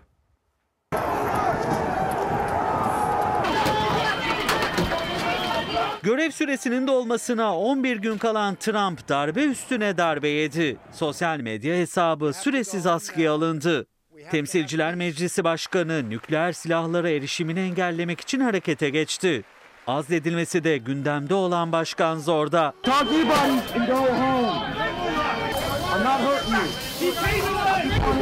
Trump destekçilerinin Amerikan Kongresi'ni işgal ettiği anlara ait yeni görüntüler ortaya çıktı. Gaz maskeli ve kalkanlı polisler kalabalığın içeriye girmesini engellemeye çalışıyordu. Bir süre sonra arbede çıktı. Kapıya sıkışan bir polis çevredekilerden yardım istedi. Polis kısa sürede kurtarıldı ama olaylar çığırından çıktı. Kongre işgaline karşı Trump'a yönelik tepkiler dalga dalga büyüdü. En aktif kullandığı sosyal medya platformu şiddeti kışkırtma riskini gerekçe göstererek Trump'ın 88 milyon takipçili hesabını kalıcı olarak askıya aldı. Bu hamleye Trump'ın tepkisi gecikmedi. Başkanlık hesabını kullanan lider susmayacağız mesajı verdi. Trump'ın olası hamlelerini durdurmak için atılan adımlara bir yenisi eklendi. Temsilciler Meclisi Başkanı Pelosi, Genelkurmay Başkanı Mark Milley'i telefonla aradı. İkili Trump'ı nükleer saldırı emri vermekten uzak tutmak için alınabilecek önlemleri görüştü. Pelosi, Trump'ın görevden istifa etmemesi halinde azil önergesi için hazırlıklı olunmasını istedi. Amerika Birleşik Devletleri'nin yeni başkanı Joe Biden ise Trump'ın azli için topu kongreye attı. Biden yemin törenine katılmayacağını duyuran Trump için de bu iyi bir şey. O ülke için utanç kaynağı yorumunu yaptı. Engin Bey, Engin Güner, günaydınlar. 10 Ocak Çalışan Gazeteciler Günü ile ilgili bir paylaşım var. Düşünceyi, ifade ve basın özgürlüğü özgürlüklerin temeli ve bir demokrasinin olmazsa olmazlarıdır. Basın özgürlüğünde 180 ülke arasında 154. yüz binlerce medya çalışanı işsiz. Cezaevinde en çok gazetecisi olan ülkelerden birisiyiz. Buruk bir gün bunu hatırlatıyor. Karar Gazetesi güzel bir haber. İki Türk dünyaya bedel yani gurur duyduğumuz bir haber. Karar Gazetesi'nin manşetinde dün aktarmıştık sizlerle paylaşmıştık. Time dergisi özel bir sayı çıkarttı. 2021 yılının ilk sayısında ve o ilk sayıda bütün dünyaya umut olan doktorlarımız Özlem Türeci ve Uğur Şahin onlara kapağında yer verdi. Koronavirüsün ardından şimdi de MS hastalığı için aşı mücadelesi veren Doktor Özlem Türeci ve Profesör Uğur Şahin insanlığa umut aşıladı. Felaket yılının kişisi seçilen Türk kökenli bilim insanları başarılarıyla ülkemizin de gururu olduğu insanlığa ve bilime adanmış hayatları gençlerimize gösterilecek en güzel kariyer örnekleri olan çift bu seneki Nobel Tıp Ödülü'nün tartışmasız favorisi durumunda ve öyle zannediyoruz. Nobel bu sene işte bu iki değerli bilim insanına, Türk bilim insanına gidecek. Şimdi yine ekonomiden devam edelim ama siyasetin, muhalefetin gündemindeki ekonomi. CHP lideri Kemal Kılıçdaroğlu kadınlarla e, online olarak bir araya geldi ve buradaki konuşmada hem kadınların ev işte yaşamını idare etmeye çalışan, mutfak bütçesini denklemeye çalışan kadınların sorunlarını dinledi hem de kendisinin kurduğu cümleler vardı. Zamlardan kaçış yok. Zam üstüne zam, zam üstüne zam. Faiz sebep, enflasyon sonuç diye ucube bir teoriyle ekonomiyi duvara toslattılar. Sonuç ne oldu? Firmalar iflas etti.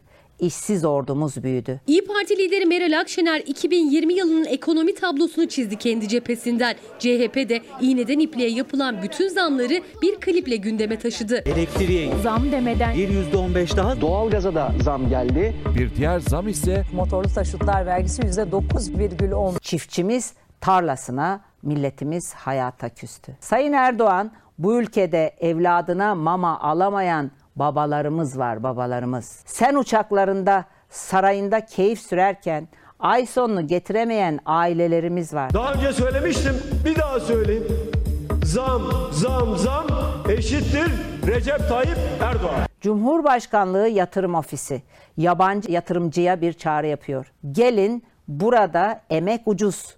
Ucuz emekle daha çok kazanırsınız diyor. Allah aşkına bir ülkenin cumhurbaşkanlığı o ülkenin emeğini ucuz diye pazarlar mı? Zihniyetteki çapsızlığa bakar mısınız? Akşener Merkez Bankası rezervleri üzerinden de yüklendi iktidara. Berat Albayrak'ın görevden sessiz sedasız ayrılışına da dikkat çekerek. Türkiye'nin yaklaşık 130 milyar dolarlık rezervi yanlış ve şaibeli politikalar nedeniyle eritildi. Damat elini yıkayıp çıktı gitti. Şimdi sözüm ona kayınpeder ortalığı toplayacak. Önceleri çalıştığımızda gittiğimiz tam günlük yevmiye e, bir haftalık market alışverişimizi yapabiliyorduk. Artık günlük gittiğimiz parayla maalesef bir günlük anca ihtiyacımızı karşılayabiliyoruz. CHP lideri Kemal Kılıçdaroğlu da ev emekçisi kadınlarla video konferans üzerinden buluştu. Karşılaştıkları hayati riske rağmen verdikleri geçim mücadelesini, birikmiş kiralarını, faturalarını gözyaşlarıyla anlattı emekçi kadınlar. Evimin kirasını da ödeyemiyorum, elektriğini de ödeyemiyorum. Ve hiçbir şekilde ne aile desteğim var ne çevre desteğim var. Tek başıma mücadele etmek zorunda kalıyorum. Endişe ve korkuyla günü geçirmekteyim. Sağır kulakların duyması lazım. Benim görevim de o sağır kulaklara sizin feryadınızı aktarmak. Ben size bir söz veriyorum. Ee, sizin sorunlarınızı Türkiye Büyük Millet Meclisi'nde dile getireceğiz. Meral Hanım, Meral Babacan günaydınlarımızı iletelim sizlere ve Ege'den yazıyorum demişsiniz Ege'ye de. Kinyas Yağız, millet zor durumda, ekonomi iyi değil, ekonomi kötü diyen bir izleyicimiz. Nilgül Hanım, günaydınlar diyorsunuz ki nefes almak istiyoruz diyorsunuz. Halkın adına da 65 yaş üstüne yapılan eziyeti neden dile getirmiyorsunuz? Bir gün siz de 65 yaş üstü olacaksınız. E, aslında en çok dillendirdiğimiz konulardan bir tanesi pandeminin e, içinde hani en böyle alevli olduğu dönemlerde bile 65 yaş ve üzerine getirilmiş olan kısıtlamalar. Şimdi belki koronavirüsten koruyoruz büyüklerimizi ama diğer tarafıyla evlerde uzun süre kalmış olmalarının sonrasında da bir başka bir e, hastalık ya da rahatsızlığa neden olunabilir. Sürekli olarak gündemde tuttuğumuz, anlamaya ve anlatmaya çalıştığımız konulardan bir tanesiydi Nilgün Hanım. Onu bir kez daha hatırlatmak istedim size. Sözcü gazetesi şimdi acaba önümüzdeki günlerde 2021 yılı içinde Millet İttifakı'nda bir değişiklik, Millet İttifakı'ndan Cumhur İttifakı'na bir geçiş Saadet Partisi bu mümkün olur mu olmaz mı? Saadet Partisi'nin etkili bir ismi Oğuzhan Asiltürk ve kendisine Cumhurbaşkanı Erdoğan ziyaret gerçekleştirdi. Çıkışta cuma namazının sonrasında Cumhurbaşkanı bu bir nezaket ziyaretiydi dedi ve ittifakın da gündeme geldiğini söyledi. Yine Saadet Partisi'nin etkili bir ismi Mustafa Kamalak bu ziyaretle ilgili ya da Saadet Partisi'nin durduğu pozisyonla ilgili açıklamalar yaptı. Sözcü gazetesine aktaralım. Kamalak şöyle konuştu. Saadet Partisi AK Parti ile ittifaka katiyen girmemeli. Günahlarına ortak olmamalı. AK Parti'nin 18 yılda yaşananlarda vebali büyük fazladan 3-5 vekilimiz olsun, iş alalım gibi gerekçelerle ilkelerden e, vazgeçmemeli. Mustafa Kamalağ'ın da partisine, parti tabanına mesajı bu şekilde. Sözcü gazetesinde ilk sayfada da haberin manşeti AKP'nin vebali büyük şeklinde. Bakalım siyasetteki tartışmasına. Bu ziyaretim hem bir nezaket ziyareti hem de yani bir seçim ittifakı mı olur? Artık Recep Tayyip Erdoğan da Adalet ve Kalkınma Partisi'ndeki ve Cumhur İttifakı'ndaki erimeyi itiraf ediyor. Ve dün ilk kez seçim ittifakı söylemini dile getirdi. Ve bir çıkış arıyor. Cumhur İttifakı'nın paydaşları iktidara yeterince tabandan oy taşıyamıyorlar. Onu görüyorlar. Cumhurbaşkanı Erdoğan, Saadet Partisi YİK üyesi Oğuzhan Asıltürk'e yaptığı ziyaret için seçim ittifakı görüşmesi dedi. Millet İttifakı ortakları CHP ve İyi Parti'den oyları eriyor çıkışı yükseldi. Gözlerin çevrildiği Saadet Partisi Genel Başkanı Temel Karamollaoğlu da gazeteci Nagihan Alçı'ya konuştu. Erdoğan'a kapıyı açık bıraktı. Bugün durduğumuz yer belli ancak ittifaklar koalisyon değildir. Her türlü fikir alışverişine açığız. Cumhurbaşkanının herkese görüşmesine fayda var. Yüz yüze görüşmek siyaseti yumuşatır. Buna benzer görüşmeleri bundan sonra da yapmayı planlıyorum. Yapacağım. Cumhurbaşkanı Aralık ayında Hüdapar Genel Başkanı ve DSP Genel Başkanı ile külliyede görüştü. Yeni yılla birlikte ise Saadet Partisi'ne ziyaret gerçekleştirdi. Genel merkeze değil, Yüksek İstişare Kurulu üyesi Oğuzhan Asil Türk'ü evinde ziyaret etti. Bir terörle mücadele verirken her türlü desteğin bizim yanımızda olması lazım. Yalnızlığı hissetmememiz lazım. Oturup konuşuruz yani. Saadet Partisi sözcüsü Birol Aydın Erdoğan'la ittifak görüşmesi yapabileceklerini söyledi. Hatta Oğuzhan Asil Türk ziyaretinin Karamollaoğlu'yla temas için bir ön adım olabileceğini de. Doğrudan genel başkanımızla bir temastan önce belki e, Oğuzhan Bey'le bir istişare yapmak, bir zemin arayışı içerisinde olabilir. Tabii ki böyle bir istekleri olursa yanıtımız olumlu olur. Bizim kapımız herkese açık, herkese konuşuruz. Daha düne kadar kendilerine zillet diyen, terör örgütleriyle birlikte olmakla suçlayanların şimdi seçim telaşıyla nasıl kapıyı çaldıklarının Saadet Partililer de farkındadır. Saadet Partisi tabanıyla bağımsız dış politika, savunma sanayi, Ayasofya, başörtüsü ve birçok konuda Erbakan hocamızın da ideali olan ortak paydamız olduğu aşikar. Meseleye sayısal beraberlikten öte bakmak aklı selimin gereği. Daha önce yüzde birlik oyuna vurgu yaparak Saadet Partisi'ni sert sözlerle eleştiren, HDP'nin vagonu ifadesini kullanan AK Partili Bülent Turan da Erdoğan'ın seçim ittifakı sözü sonrası Saadet Partisi tabanıyla ortak paydamız çok açıklaması yaptı. Gülay Hanım, Gülay Yiğitik, günaydınlarımızı iletelim. AVM'ler kapalı olsun tamam ama biraz böyle nefes almak için de sokağa çıkma kısıtlamalarının olduğu günlerde belki saat dilimleri yine e, ayrılabilir. Orada çıkalım, biraz nefes alalım. Hani toplum içinde böyle bir kalabalıklaşma da olmasın. Bunları da düşünsün e, Bilim Kurulu ya da Sağlık Bakanı. Sağlık Bakanlığı hatırlatması bu şekilde. Nevra Aykut günaydın. Anadolu Açık Öğretim Fakültesi öğrencisi mağdur ve vize sınavı 3 günde yapıldı. Sistemde hatalar var ve final hakkımız elimizden alındı geri verilsin. Yaşadıkları bir mağduriyeti anlatmaya çalışıyorlar. Nevra Aykut'un bu mesajından sonra biz yarın işsizlik rakamlarını öğreneceğiz. Hafta sonuna denk geldiği için her ayın 10'unda açıklanıyor. Hafta sonuna denk geldiği için hafta başında öğreneceğiz. İşsizlik rakamları bir yandan istihdam düşüyor, diğer yandan yine işsizlik rakamlarının düştüğünü görüyoruz ve ekonomistler buna bir anlam veremiyor. TÜİK'in yaptığı değerlendirmelere e, atıfta bulunuyorlar. Ne kadar doğru, acaba bir kalem oynatma var eleştirilerine burada da maruz kalıyor. Tıpkı enflasyon rakamlarının açıklanmasından sonra e, çok eleştirilen TÜİK hani burada da işsizlik konusunda da eleştiriliyor. Biz hem işsizliği öğreneceğiz, tarımda, sanayide, hizmetler sektöründe ne durumdayız bunu öğreneceğiz. Bir de genç işsizliği öğreneceğiz. Gençlerimiz işsiz. Bununla ilgili ne yapılacak? Bana kalırsa hani ekonomiyi konuşuyoruz ya. Bana kalırsa gençler için acilen bu ülkenin geleceği olan gençler için acilen bir formül bulmak gerekiyor.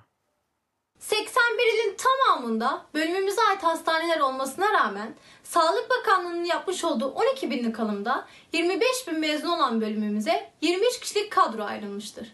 Bunun hayal kırıklığını yaşıyoruz. Sesimize kulak verin. Türkiye'de kalmalı.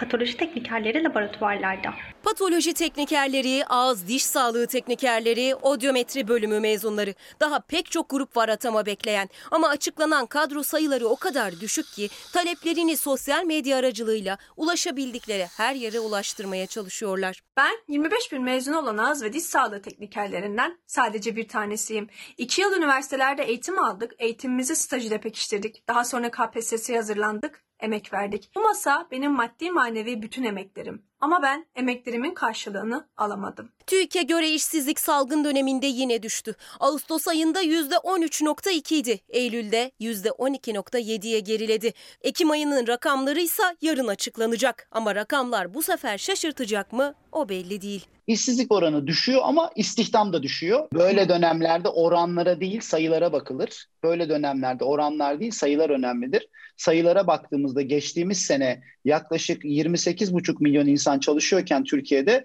bugün 27 milyon 700 bin insan çalışıyor gözüküyor. Eylül ayında istihdam oranı 2 puan azalmıştı. Aynı ay işsizliğin de düşmesi ekonomi uzmanlarına göre sadece kağıt üstünde kalmıştı. En fazla sorun yaşayan kitle de gençler. Çünkü işletmelerin yetiştirilmek üzere eleman almayı arzu etmedikleri bir dönemdeyiz. Artık adaletsizliğin bir kenara bırakılmasını istiyoruz. 7 kişilik kontenjanla değil 2500 kişiyle sahada olmaya hazırız. Patoloji teknikerleri ülkede atama bekleyen yüzlerce genç mezundan yalnızca bir bölümü. Bize en çok da şimdi ihtiyaç var ama kadro yok diyorlar. Ağız ve diş sağlığı teknikerleri ise yüksek puanlarla atanamamaktan şikayetçi. 12 binlik Sağlık Bakanlığı alımında kendilerine ayrılan kadro 23. 39 sağlık teknikeri branşı arasında hastanesi olan tek bölüm olmamıza rağmen doğru düzgün alım yapılmayan ve yüksek puanlarla kapatan bölümlerin başında geliyoruz. Ya bu kadar mezun verilmesinin önüne geçilsin ya da ağız ve diş sağlığı merkezleri açılsın, yerimize hemşire ve taşeron işçi alınmasın. 20 bin mezunu olan odyometri bölümü mezunları ise kamu hastanelerinde, halk sağlığı merkezlerinde ve kadın doğum hastanelerinde bu görevi hemşire ve ebelerin üstlendiğini iddia ediyorlar. Halk sağlığı merkezlerinin başlattığı okul çağı çocuklara yapılan işitme taraması da bölümümüzün görev kapsamında olmasına rağmen toplum sağlığı merkezleri ve sosyal hizmet merkezleri adı altında hemşire, ebe ve diğer teknikerler tarafından yapılmaktadır. Ahmet Bey günaydın. Ahmet Diril emeklilere yapılan zam hayat pahalılığında çoktan uçup gitti diyor. Milli Gazete, Milli Gazete'nin manşeti zam zamma gitti. Asgari ücrete yapılan %21 oranında artış. Yeni yılda ev kirasına, faturalara, gıda ve market ürünlerine yapılan zamlarla daha işçinin cebine girmeden berhava oldu. TÜİK'in Aralık ayı enflasyon verilerine göre Kasım ve Aralık ayları arasında yaşanan enflasyon artışı asgari ücrete yapılan 500 liralık zammı eritti. Asgari ücrete yapılan zammı eriten en büyük kalem ev kirası oldu. TÜİK Ocak ayında ev kiralarına yapılacak zammı %12.28 olarak belirledi. Buna göre ortalama 1000 liralık ev kirasına 125 liralık bir kira artışı uygulanacak. Böylece asgari ücrete yapılan zammın dörtte biri ev kirasına yapılan artışa gidecek. Ayrıca ev kirasına ek olarak doğalgaz, elektriğe yapılan zamlar var. Yani bu zamlar yapıldı ama zamma zam geldiği için bu memlekette bu yapılan asgari ücrete yapılan 500 liralık zam çoktan eridi gitti. Esnafımızı konuşuyoruz. Bir yandan bu asgari ücretin yeterliliği, yetersizliği, vatandaşın geçim derdi ve hayat pahalılığı bunu konuşuyoruz. Yine pandemi sürecinde en çok yara alan müzisyenler, onların meselesini de konuşmamız gerekiyor. Şimdi müzisyenlere bakıldığında yani bir sanatçı, bir san ya da ünlü bir sanatçının arkasında çalıyorlar, vokal oldukları için iyi de para kazanıyorlar diye düşünenler varsa çok uzun süredir aslında bir kazançları yok. Onların da bir evleri var, geçindirmek zorunda oldukları ve onların da evlatları, aileleri var. Geçindirmek zorunda oldukları, bakmak zorunda oldukları ve onların meselesini de aktarmak zorundayız. Mağduriyetimizi çözüm bulmasını istiyorum. Çalışamıyorum, çalışamayacağım ve ne zaman çalışacağım bilmiyorum. Sistemde ben yokum. Ne zaman geçecek bu korona? Bir doktor gördüğünde soruna. Hepsi çok zor durumdalar. Çünkü e, 9-10 aydır hiç çalışamayan, para kazanamayan, enstrümanlarını satarak, farklı işler yapmak zorunda kalarak bir şekilde ayakta kalmaya çalışıyorlar. Eğlence mekanları kapandı, konserler iptal oldu, müzik yerini sessizliğe bıraktı. Müzisyenlerse sonunun ne zaman geleceğini bilmedikleri bir bekleyişte. Gelir yok, kimi enstrümanını sattı, kimi birikimini tüketti. Bu kez sesleri duyulsun diye bir belgesel hazırladılar. İnsanlar müziğin hayatlarında ne kadar büyük bir yer kapladığından habersizler. Eğer müzik tamamen susarsa o zaman anlayacaklar. Ben en son işimi 6 Mart 2020'de yaptım. Organizatörler var, menajerler var, tohmasterler var, rodiler var. Çaldığımız yerlerde çalışan müstahtem var. Bunların hepsi şu anda aç. 10 aydır müzik sektörü durdu. Yalnızca sanatçılar değil, organizatöründen enstrümanları taşıyanlara kadar binlerce kişi gelirsiz kaldı. Kültür ve Turizm Bakanlığı destek için harekete geçti. 24.522 müzisyenin başvurusu kabul edildi. 3 ay boyunca biner lira destek ödenecek. Bir adım atılması hiç yoktan tabii ki iyi. Ancak e, tabii ki ülke şartlarında bu durumda aylardır e, biriken borçların nihayetinde tabii ki bin lira hiç kimseye yetecek bir ücret değil ve hiç çalışamayan insanlardan bahsediyoruz. Verecekleri bin lira bir ücret bu arada. Bin lira birayı bile kurtarmaz. İstanbul'da yaşıyorsunuz, ev kirası var, bilmem ne var, faturalar var. Müzik emekçileri desteklerin artırılmasını, sektörde normalleşme sağlanmasını bekliyor. AVM'ler açık, uçaklar tıklım tıklım dolu. E, yani hani biz de belirli koşulları sağlayarak diğer tüm hayat akışı devam ederken belirli önlemlerle aynı önlemlerin bu mekanlarda da alınarak e, devam edebileceğini düşünüyorlar. Çünkü zaten e, hepsi şu anda e, ciddi anlamda borçlar içinde yaşadıkları için çok daha fazla dayanmaya güçleri kalmadı.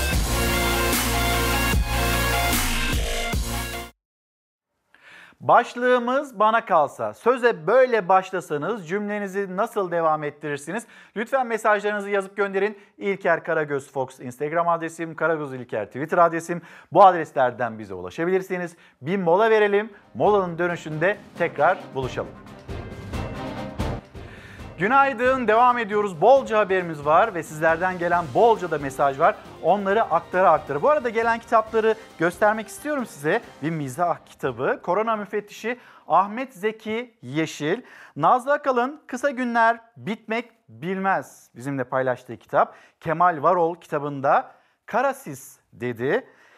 Gülsüm Baldiş Umut hep vardı, umudu yaşatmaktır esas olan. Sarsıntı Barış İnce'ye ait bir kitap ve yine Barış İnce'den Kıyıdaki Çocuklar. Bu iki kitabımızı göstereyim.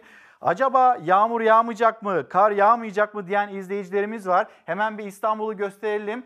E, yönetmenimiz Hilal'den de rica edeyim İstanbul'da şu anda e, hava durum nasıl, yeni gün nasıl başlıyor? 10 Ocak 2021 tarihinde pazar gününde İstanbul'da hava sıcaklığı bugün en yüksek 9 derece 10 derece dolaylarında olacak ve yağışlı bir gün var İstanbul'da. Ve Ankara'ya dönüp baktığımızda Ankara'da bugün hava güzel.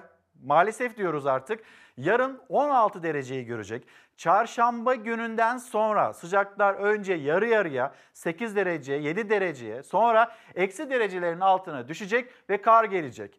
Perşembe, cuma, cumartesi, pazar, pazartesi, salı sonraki günler karlı olacak Ankara için. Bir memleket havasını aktaralım, paylaşalım, devam edelim. Yurdun neredeyse tamamında hava güneşli. Meteoroloji haritasındaki göstergeler endişe vericiydi. Yağmur geç de olsa geldi. Tablo beklenene döndü. Meteoroloji Marmara için kuvvetli yağış uyarısı yaptı.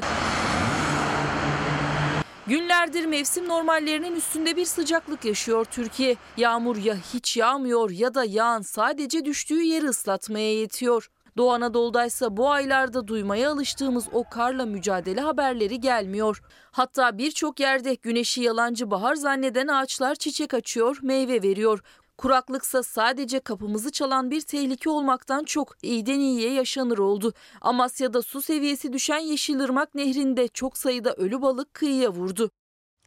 Her taraf balık. Bakın balıklara. Mersin'de dut ağacı Ocak ayında meyve verdi. Tokat-Sivas il sınırına yakın Çamlıbel Tepesi'nin alt tarafında bulunan İhsaniye Göleti en kurak yılını yaşıyor. Yılın bu aylarında kar eksik olmayan gölet kurudu. Şanlıurfa Siverek'te Atatürk Barajı göletinde su seviyesinin düşmesinin ardından eski yol ve köprü gün yüzüne çıktı.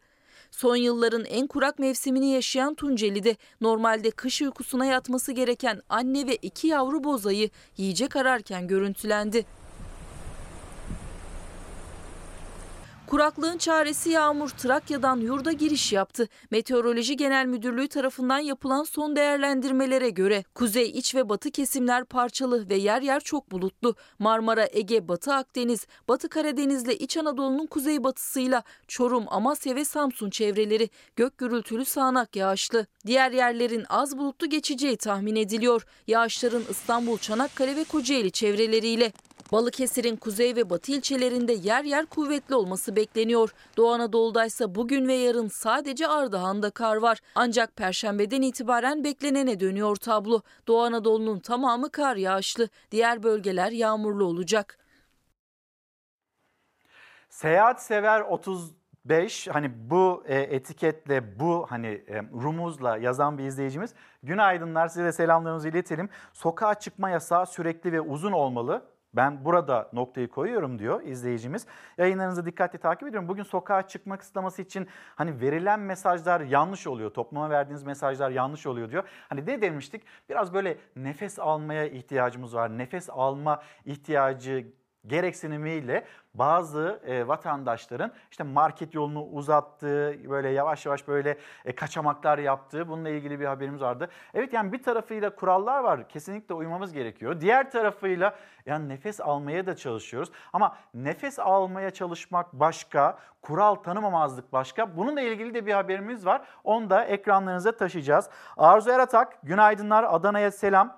Bana kalsa etiketi altında hiçbir şey hayata geçemiyor. Hala boğuluyoruz. Ekonomi, sağlık, eğitim, üretim bunların çözümlenmesini istiyoruz. Bunlar adına mesajlar gönderiyoruz. Evrene gidiyor o mesajlar ama yetkililere ulaşmıyor diyor. Cengiz Bey, Cengiz Kurt, bana kalsa PCR testini ücretsiz ve ulaşılabilir yapar. Enfekte olanlarla temasların ücretlerini devlet tarafından karşılanmasını sağlarım. Aşı ise devletin yanı sıra ücret kotası konularak özel sektör tarafından da temin edilmeli. Ben bunu da sağlarım bana kalsa diyor. Bolca mesaj geliyor. Onları elimden geldiğince hızlı bir şekilde de aktarmak istiyorum. Ama dünyadan bir haberle devam edelim. Endonezya'da bir uçak düştü. Bu e, bu uçağın haberi ve sonrasında ne olduğu ile ilgili yeni gelişmelerine bakalım. Öyle sürdürelim Çalar Saat hafta sonunu.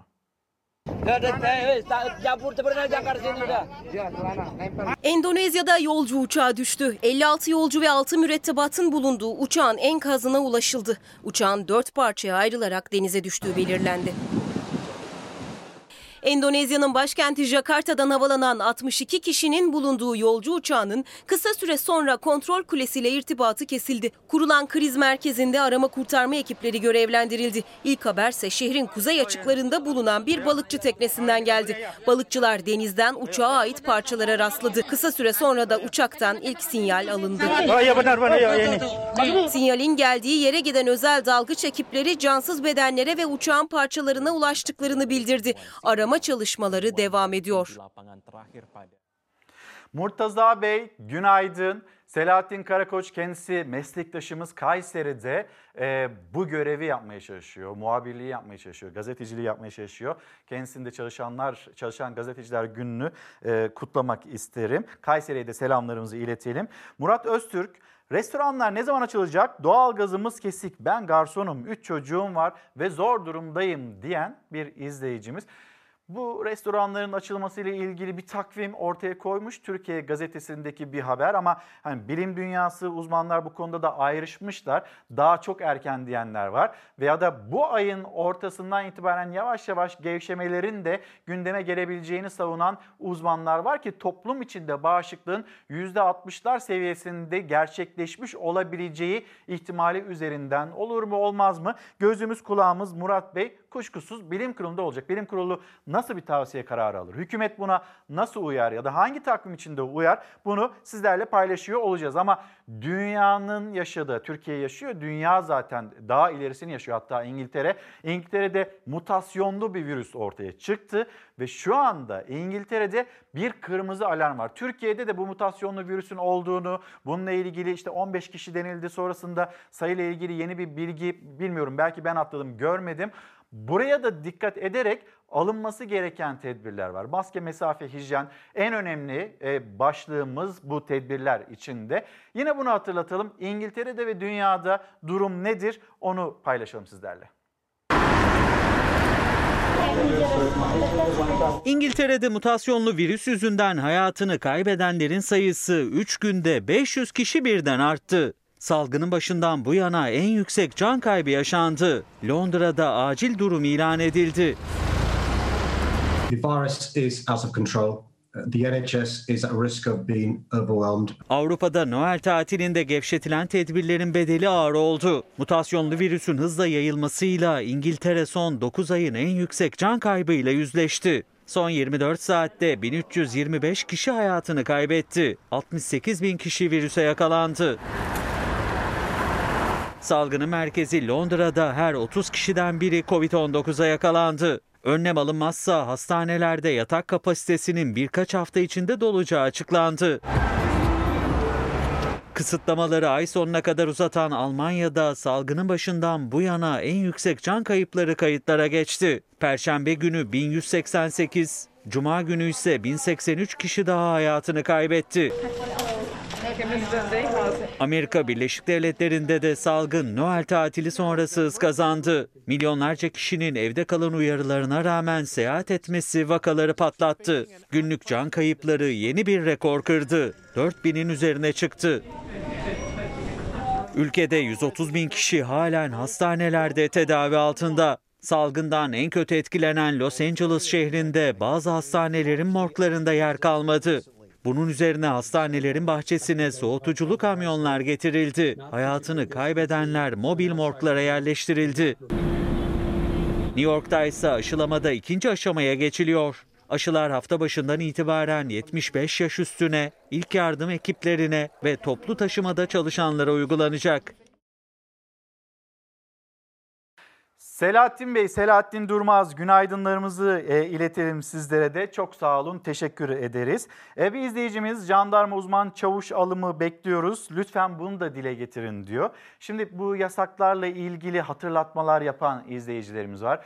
Bunu gerçekten abartan, suistimal edenler var. Hani onu da e, hakkaniyetle söylemek gerekiyor. Küçük kaçamaklar belki görmezden gelinebilir. Bir tarafıyla aklımızın kenarında bu duruyor. Diğer tarafıyla kurallar var. Bu kuralları bile isteye suistimal edenler var. Şimdi ben hani şöyle bakıyorum. Bilmiyorum siz nasıl değerlendirirsiniz.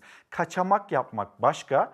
Yasalara, kurallara ısrarla uyumamaya çalışmak bambaşka. Mesela memleketin çeşitli bölgelerinden gelen görüntüler var. Onları bir paylaşalım. Hani nefes almaya çıkanla bu yasaklara uymayanları da galiba biraz ayırmamız gerekiyor. Benim amcam amcam kızın erişten sandı tamam baba tarafından dedem anne tarafından erişten Ankara Adliyesi'ne sadece araç, araştır sor. Kısıtlamada sokağa çıktı, savunması pes dedirtti. Senden önce beni dört kişi daha çevirdi. O zaman o polis arkadaşlar da bunu bilincinde olarak beni buraya kadar göndermemeleri gerekiyor. 56 saatlik sokağa çıkma kısıtlaması cuma gecesi başladı. 6. haftaya girilirken kısıtlamaya uymayanlar polisten kaçamadı. Polise diyemem değil abi iletişime geçmiyor. Ben bir polislerle işim yok. Ben gazeteciyim, basın mensubuyum. Ankara'da polisin durdurduğu aracın sürücüsü alkollüydü. Yanındaki kadının da izin belgesi yoktu. Ceza yazılacağını anlayan kadın polise uzun süre dil döktü. Sonra öfkesi gazetecilere yöneldi. Benim tamam baba dedem Ankara sadece araştır sor. İzin belgeniz olmadan neden sokağa çıkıyorsunuz? Abi o telefonu lütfen. Lütfen hanımefendi lütfen. Lütfen müdahale etmeyin. İşimizi yapıyoruz biz. Amcasının polis eniştesinin de savcı olduğunu söyleyerek görüntülerinin silinmesini istedi. Ne görüntüler silindi ne de cezadan kurtulabildi. Tutanağı imzalayan kadın taksiye binip yoluna devam ederken sürücünün de ehliyetine el konuldu. İki arkadaşa toplam 7650 lira ceza kesildi. Kaçıyor. Düzce'de polis ekiplerinin dur ihtarına uymayarak kaçan sürücü kısa süren kovalamacanın sonunda yakalandı. Psikolojimdeyiz şu anda. Araç sürücüsüne dur ihtarına uymamak, tehlikeli araç kullanmak, kırmızı ışık ihlalinden 9603 lira idari para cezası kesildi. Ablacığım ne çıkıyorsun? Tamam abi. Denizli'de kapısının önüne kadın ve çocuk ayakkabıları konularak ev görüntüsü verilen yerde 33 kişi kumar oynarken yakalandı. 148.500 lira ceza kesildi. Yani kastettiğimiz bu. Yani burada ısrarla bir yerde buluşup o virüsü yayalım diye uğraşanlar var. Ve işte çeşitli çeşitli formüller buluyorlar, yan yana gelmeye çalışıyorlar. Hani bunları ayrı, diğerlerini ayrı. Böyle de mevzuat yok. Hani genelgesi yok, yönetmeliği yok biliyorum ama ne bileyim hani bir süzgeçten de geçirilmesi gerekiyor gibi geliyor. Ee, çalışan, çalışmayan, işsiz gazeteciler günümüzü kutluyorum diyor. Hüseyin Beker, Hüseyin abi günaydın ve selamlar. Bir formül var mesela Muzaffer Bey yazmış Instagram'dan. Diyor ki bana kalsa alışverişleri cuma günü yapalım. Hafta sonu acil durum olmadığı sürece evde kalalım. Sadece çalışanlar izin belgeleriyle çıksınlar. Geçen yıl yapılmayan direksiyon sınavı sürücü kurslarından alınan izin belgeleriyle bu eklemesi zaten hani olanın bir eklemesi var. Geçen yıl yapılmayan direksiyon sınavı sürücü kurslarından alınan izin belgeleriyle hafta sonlarıyla yapılmalı öğrenciler ve sürücü kursları da bu şekilde belki yaşadıkları mağduriyetten kurtulabilirler diyor. Sizin görüşleriniz, düşünceleriniz çok kıymetli. Birlikte hani anlayarak, konuşarak e, yaptığımız, gerçekleştirdiğimiz bir program mesajlarınızı bekliyoruz. Başlığımız bana kalsa ve yine sürekli gündemde tutmamız gereken bir konu başlık deprem. Depremle ilgili olarak da herkesin, toplumun e, bütün kesimlerinin, genci, yaşlısı, çoluğu, çocuğu herkesin bilgilendirilmesi gerekiyor. Ve bu bilgilendirmeye de aslında en baştan yani anaokul, ilkokul çağından başlamak gerekiyor. Allah Allah apartman gitti. Allah. Okulumuzca bir afiş çalışması hazırladık. Eğer gerekli önlemimizi alırsak ondan korunabiliriz. Peki siz olası depreme hazır mısınız? Bu önemli soru hiç akıllardan çıkmasın diye ortaokul öğrencileri Deprem Vakfı ile birlikte afiş hazırladı. Sloganları deprem yerde, önlem sende. Deprem bir gerçek, bunu hepimiz biliyoruz. Yaşadık ve üstelik yaşamaya da devam ediyoruz. Burada amacımız deprem konusuna dikkat çekmek, hazırlığın önemini vurgulamak ve toplumda bir farkındalık oluşturmak. Türkiye Deprem Vakfı Koordinatörü Jeofizik Yüksek Mühendisi Seyhun Püskülcü, İstanbul Kadıköy'de Ali Haydar Ersoy Ortaokulu öğrencileriyle bir araya geldi. Deprem gerçeğine dikkat çekmek için öğrencilerden yeni bir slogan yaratmalarını istedi. 7. sınıf öğrencisi Defne Yazar'ın deprem yerde önlem sende sloganı yarışmada birinci seçildi. Bu posterde deprem öncesi, sırası ve sonrası neler yapılması hakkında bilgiler var. Bu posterin e, sloganını okulumuz öğrencilerinden biri buldu. Ortaokul öğrencileri ve Türkiye Deprem Vakfı işbirliğiyle hazırlanan afiş farkındalık yaratmak için belediyelerin panolarına asılacak. Afişlerde acil durumlar dışında depremin ardından telefon kullanılmaması, deprem anındaysa çök, kapan, tutun yönteminin kullanılması gerektiği vurgulanıyor. Deprem yerde önlem sende isimli posterimizi e, yerel yönetimler, kamu kuruluşları ve vatandaşlarımızın yardımıyla toplumun tüm kesimlerine ulaştırmayı hedefliyoruz. Tuncay Bey, Tuncay Meriçli tam da sizin yazmış olduğunuz mesaja denk gelen bir haber oldu. Öyle zannediyorum. Depremler her gün devam ediyor. Biliyorum gündem çok yoğun ancak buradan vatandaşlarımızı depreme karşı daha duyarlı ve dikkatli olmaya, tedbir almaya çağırıyorum diyor. Daskut Arama Kurtarma ekibi olarak biz elimizden geleni bu anlamda yapıyoruz. Paylaştığı mesaj. Mahmut Bey günaydın. Ben emekliyim. Emekliye verilen zam daha elimize geçmeden daha fazlası çoktan gitti. Paylaşım bu şekilde. Hüseyin Bey, Hüseyin abi günaydın. Cezalar daha fazla olsun kimse dışarıya çıkmasın diyor. Alev Hanım da bana kalsa fabrikaları açar yurt dışında bilimle uğraşanları başa alır. İnternette layık e, uğraş veren gençlerle ilgili burası biraz böyle devrik olmuş kusura bakmayın Alev Hanım. Ben özellikle tarıma ve üretmeye odaklanırım. Daha fazla ilaç, ilaç, ilaç, daha fazla üretmek, üretmek, üretmek. Bunun için ter dökerim diyor. Tarımsal ilaçlama, bunlarla ilgili bir takım kaygılar da var. Yine ben bunun da hatırlatmasını yapayım. Hani doğal olana yönelme, toprağı e, üretmek adına kullanma. Köylümüz maalesef toprağını terk ediyor. Çünkü kazanamıyor. Ama bir yandan da tabii borçlular. Ama bizim üretmemiz gerekiyor. Önümüzdeki en önemli gündem maddelerimizden bir tanesi kuşkusuz üretim, tarımsal üretim ve en stratejik olan konulardan bir tanesi zaten tarımsal olarak bu üretim. Biz buraya da odaklandığımızda ihracat anlamında daha fazlasını, daha fazla geliri e, sağlayabiliriz. Alev Hanım'a ben de katılıyorum. Şimdi çiftçilerimiz var, borçlular, onların desteğe ihtiyacı var. Bir belediye Manisa'da onlara bakın nasıl destek oluyor. Ben tarımı kesin bırakıyordum. Yok yani iflas ettim. Bir haber duydum. Bizim ilçemizin e, Zeki Başkan e, traktör desteği. Dediler bu traktörü Steyr al. E, dedim başkan mazot da yok bende. Tamam dedi sana mazot da vereyim dedi. Çiftçi Nedim İndibay'ın üretime devam etmesini sağladı o destek. Manisa'nın Saruhanlı ilçesinin CHP'li belediye başkanı Zeki Bilgin belediyeye ait traktörleri çiftçinin hizmetine sundu. Hem şantiyemizdeki 18 traktörümüzü tahsis ettik. Ayrıca akaryakıt mazotlarını da onlara vererek arazilerin sürmelerine, işlemelerine yardımcı olduk. Tarım Kredi ve Ziraat Bankası'na da faizi silip 5 yıl süreye yaymasını Sayın Cumhurbaşkanımızdan bekliyoruz. Bankalara tarım kredi kooperatifine olan borçları nedeniyle darboğazda çiftçi. Traktörlerine haciz konulan da var, tarlaları rehinli olan da. Zeytinim tarlam 1894 parsel. Tam 30 tane rehin var üstünde. Tarlayı ben işliyorum ama ya banka alacak ya devlet alacak. Türkiye'de tarım yapılan her yerde çiftçinin sıkıntısı aynı. Ürettiklerinden elde ettikleri para kredi taksitlerini hatta o kredilerin faizlerini bile ödemeye yetmiyor. Tarımsal sulamada kullanılan elektriği, mazot, gübre, işçi giderini karşılamıyor. Çiftçinin bu tarımsal sulamadaki %18 elektrik %0'a düşmesi gerekir. 400 milyarlık tarım aleti almışım. Bunları hurdaya mı satacağım? Devlet desteği. 2019'dan beri daha hala alacağız. Televizyonlara bakıyorum aynalı, süslü, şöyle bir destek, şu işte milyar dolar, şu bu. Ya kim hiç 90'lı yıllarda pamuk ekerdik. Kazanacağımız bir yıl önceden belliydi. Yani yok ne oldu bu ülkeye? Bana bıraksalar bu tarımı ülkede daha iyi yönetirim. Saruhanlı çiftçiler de devlet desteğinin yeterli olmadığını söylüyor. Onların derdini bir nebze azaltansa belediye başkanı Zeki Bilgin oldu. Belediyenin 18 traktörünü çiftçiye tahsis etti başkan. Mazotlarını da veriyor. Ben tarımı kesin bırakıyordum. Yok yani iflas ettim. Bankalar, damlama borcu, ilaç. İstanbul'dan bir iş buldum. 2000-3000 lira öyle aylık. Hanımla da hatta el anlaştım. Dediler bu traktörü Steyr al. Dedim başkan mazot da yok bende. Tamam dedi sana mazot da vereyim dedi. Git dedi yerini kurtar ek e, sağ olsun e, 45 dönüm domates ektim. Üretmezsek yemek olmaz. Bu sefer açlık olur, kıtlık olur. Allah bin kere razı olsun. Belediyemiz traktör verdi bana. İşimi gördüm ben yani. Saruhanlı çiftçiler belediyenin deposunu da doldurduğu 18 traktörle üretime devam ediyor. Ama daha büyük desteği devletten bekliyor.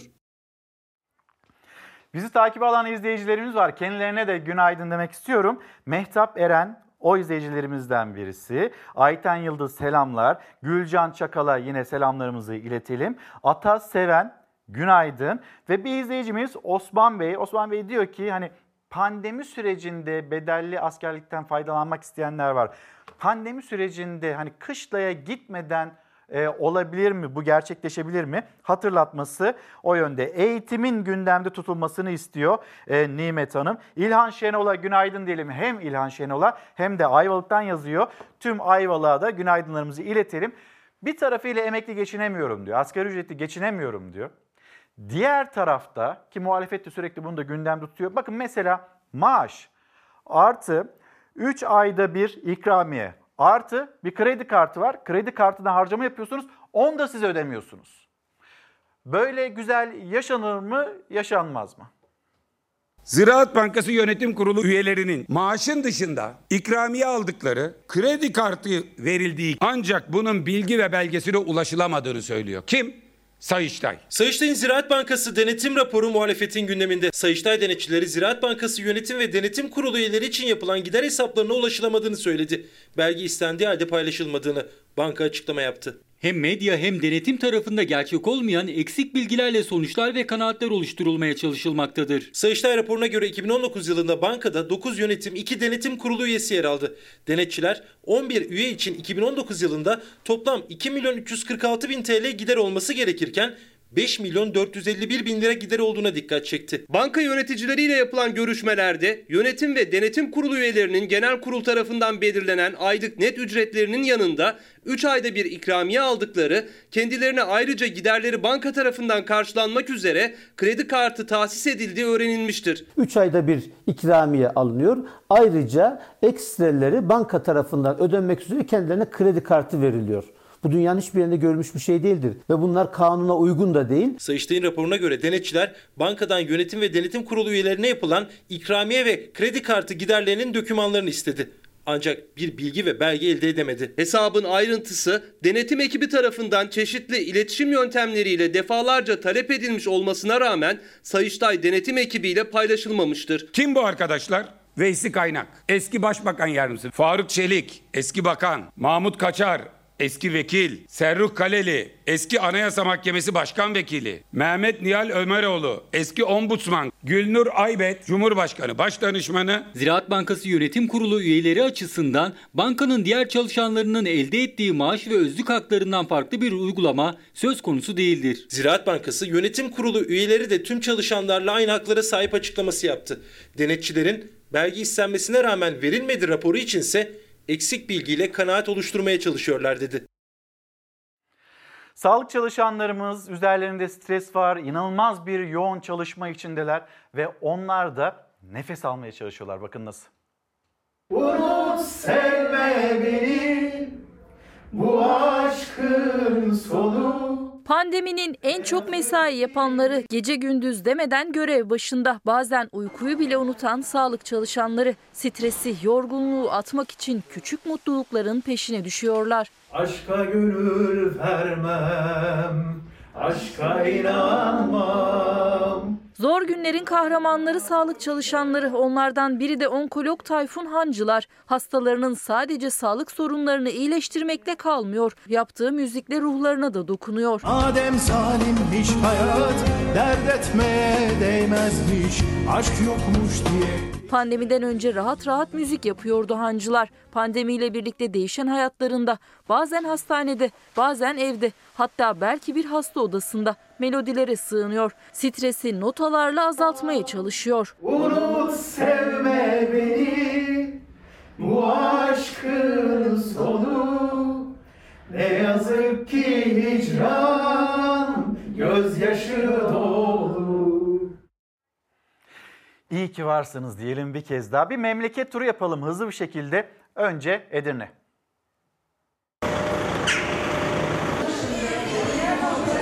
Sınır kapılarında PCR testi zorunlu hale geldi. Bulgar turistler alışveriş merkezleri olan Edirne'ye seyahati kesti. Bir yıldan beri biz dükkanlarımızı zaten kendimize geçindiremiyoruz. Kirayı da cebimizden veriyoruz. Kentteki çarşı ve pazarlar, ufak büyük bütün dükkanlar Bulgar turistlerle dolup taşıyordu. Öyle ki esnaf dil kurslarına bile başlamıştı.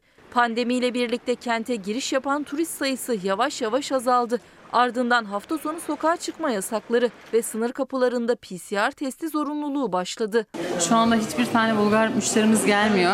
Artı bizim yerli müşterilerle de zaten işimiz olmuyor. Şu anda esnaf olarak çok zor durumdayız. Türkiye'ye giriş yapmak isteyen turistlerin son 72 saat içinde alınmış COVID-19 negatif testi ibraz etmesi zorunlu. Aksi durumda Türkiye'ye giriş yapamıyorlar. Pandemi nedeniyle zaten satışları azalan esnafsa en büyük gelir kaynağı olan turistlerin gelmemesinden dertli. Ticaret bir nevi artık durma noktasına geldi. Esin Uslu öğretmenim günaydınlar. Ee, bir esnafımız yazıyor. Diyor ki biz esnafların devletten en büyük beklentisi bütün vergi ve SGK giderlerinden muaf tutulmaktır ki üzerlerinde 27 kalem vergi var hatırlatalım. Bu süreçte bütün esnafların vergi ve kira borçları altından kalkamayacak durumda olduğunu görmeleri gerekiyor. İzleyicimizin hatırlatması bu. Şimdi bir e, zor durumda olan 14 yaşında Mustafa Özberk bir kardeşimiz var, bir çocuğumuz var. Onun haberi. Daha 14 yaşında Mustafa Özberk kemik kanseriyle ailesi ameliyatı için gerekli parayı bulmak için mücadele ediyor. 250 bin ameliyat parası istedi hoca.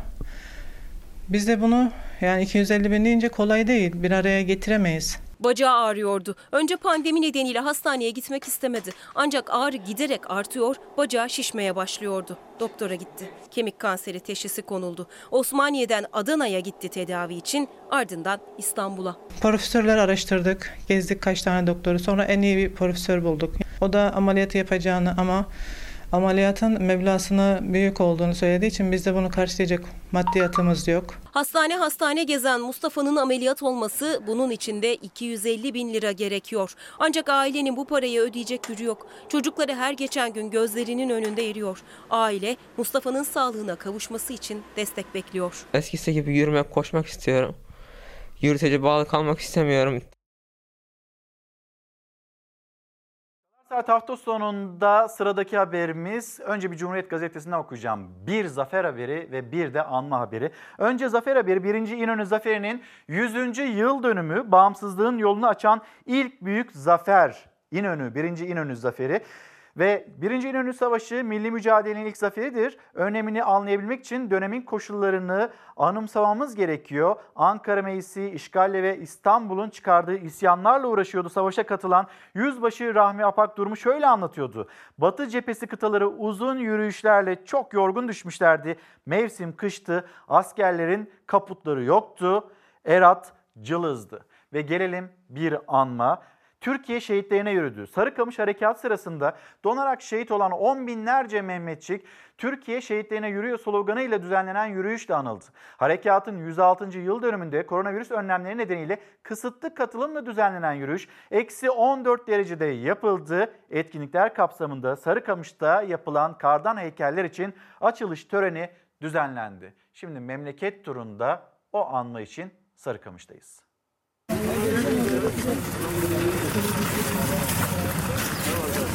Kar beyazlığına düşen kahramanların öyküsü Sarıkamış. 106. yılında koronavirüs tedbirleri gölgesinde anıldı.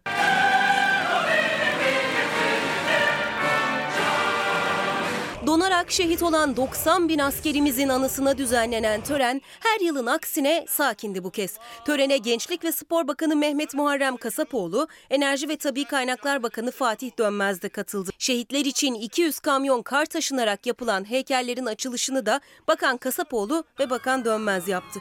Jak timlerinin ellerinde Türk bayrağıyla meşaleli gösterisi ise nefes kesti.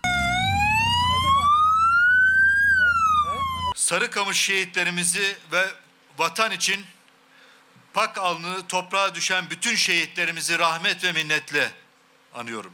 Her yıl olduğu gibi Ay Yıldız tören alanından yaklaşık 700 metre mesafede şehitleri anma yürüyüşü yapılarak şehitlik ziyaret edildi. Şimdi bir molaya gideceğiz ama gitmeden önce kitaplarımız var yine göstermek istediğim. Onları da hızlı bir şekilde sizlerle paylaşayım. Hepimiz aynı belediye otobüsündeyiz. Ateş İlyas Başsoy. Fikir Jimnastiği Sami Demirkıran'ın yazdığı ve bizimle de paylaşmış olduğu kitap. Nazmi Kal, Nazmi Kal da 3 kitap e, paylaştı bizlerle. Atatürk İnönü ilişkileri o kitaplardan ilki. Atatürk'ün diktiği ağaçlar yine bir başkası. Atatürk'ten duymadığınız anılar hemen onu da göstereyim. Nazmi Kal imzalı o kitabı da. Efendim şimdi bir mola vereceğiz. Yine e, bu arada hani belki güne, güne yeni başlamış olan izleyicilerimiz vardır. Şöyle bir İstanbul'u gösterelim bir kez daha. Sonra yine bir Ankara'yı gösterelim. Önce İstanbul'a bakalım en yüksek hava sıcaklığının 9 derece olacağını, şu saat itibariyle rüzgarın çıktığını, yağışlı bir gün olacağını söyleyelim İstanbul'da. Ve Ankara'ya döndüğümüzde Ankara'da da bugün hava sıcaklığı 16 derece. Bir mola verelim, dönüşte buluşalım. Bir kez daha günaydın. Çalar Saat hafta sonuna nokta koyma vakti geldi. Kitaplarımızı da tanıttıktan sonra nokta koyalım. Cenk Demirarslan Düşleri Öldürmek bizimle paylaşmış olduğu kitap. İrfan Bayar, bak şu delilin yaptığına. Emekli bir emniyet personeli. Doktor Elif Şafak Sarıoğlu, Z kuşağı dijital doğanların halkla ilişkilerdeki yansıması bir çalışmayı paylaştı. Doktor Elif Şafak Sarıoğlu bizimle. Babamı alan Martı Kübra Olçar Erden. Buhar Ensari Meryem kitabın ismi. Ece Temel Kur'an bu da geçer. Kendisi hem bir hukukçu hem de deneyimli bir gazeteci ve kitabı bu da geçer. Hayatımın rehberi yine bir gazeteci Serdar Akina'nın yazmış olduğu ve bize ulaşmış olan kitap. Onu da gösterelim. Kapatırken her zamanki gibi teşekkürümüz sizlere efendim. Bizi izlediğiniz için teşekkür ederiz. Bir manikeder olmazsa haftaya hafta sonunda sizlerle buluşuruz. Güzel bir gün olsun, sağlıklı bir gün olsun. Hoşçakalın.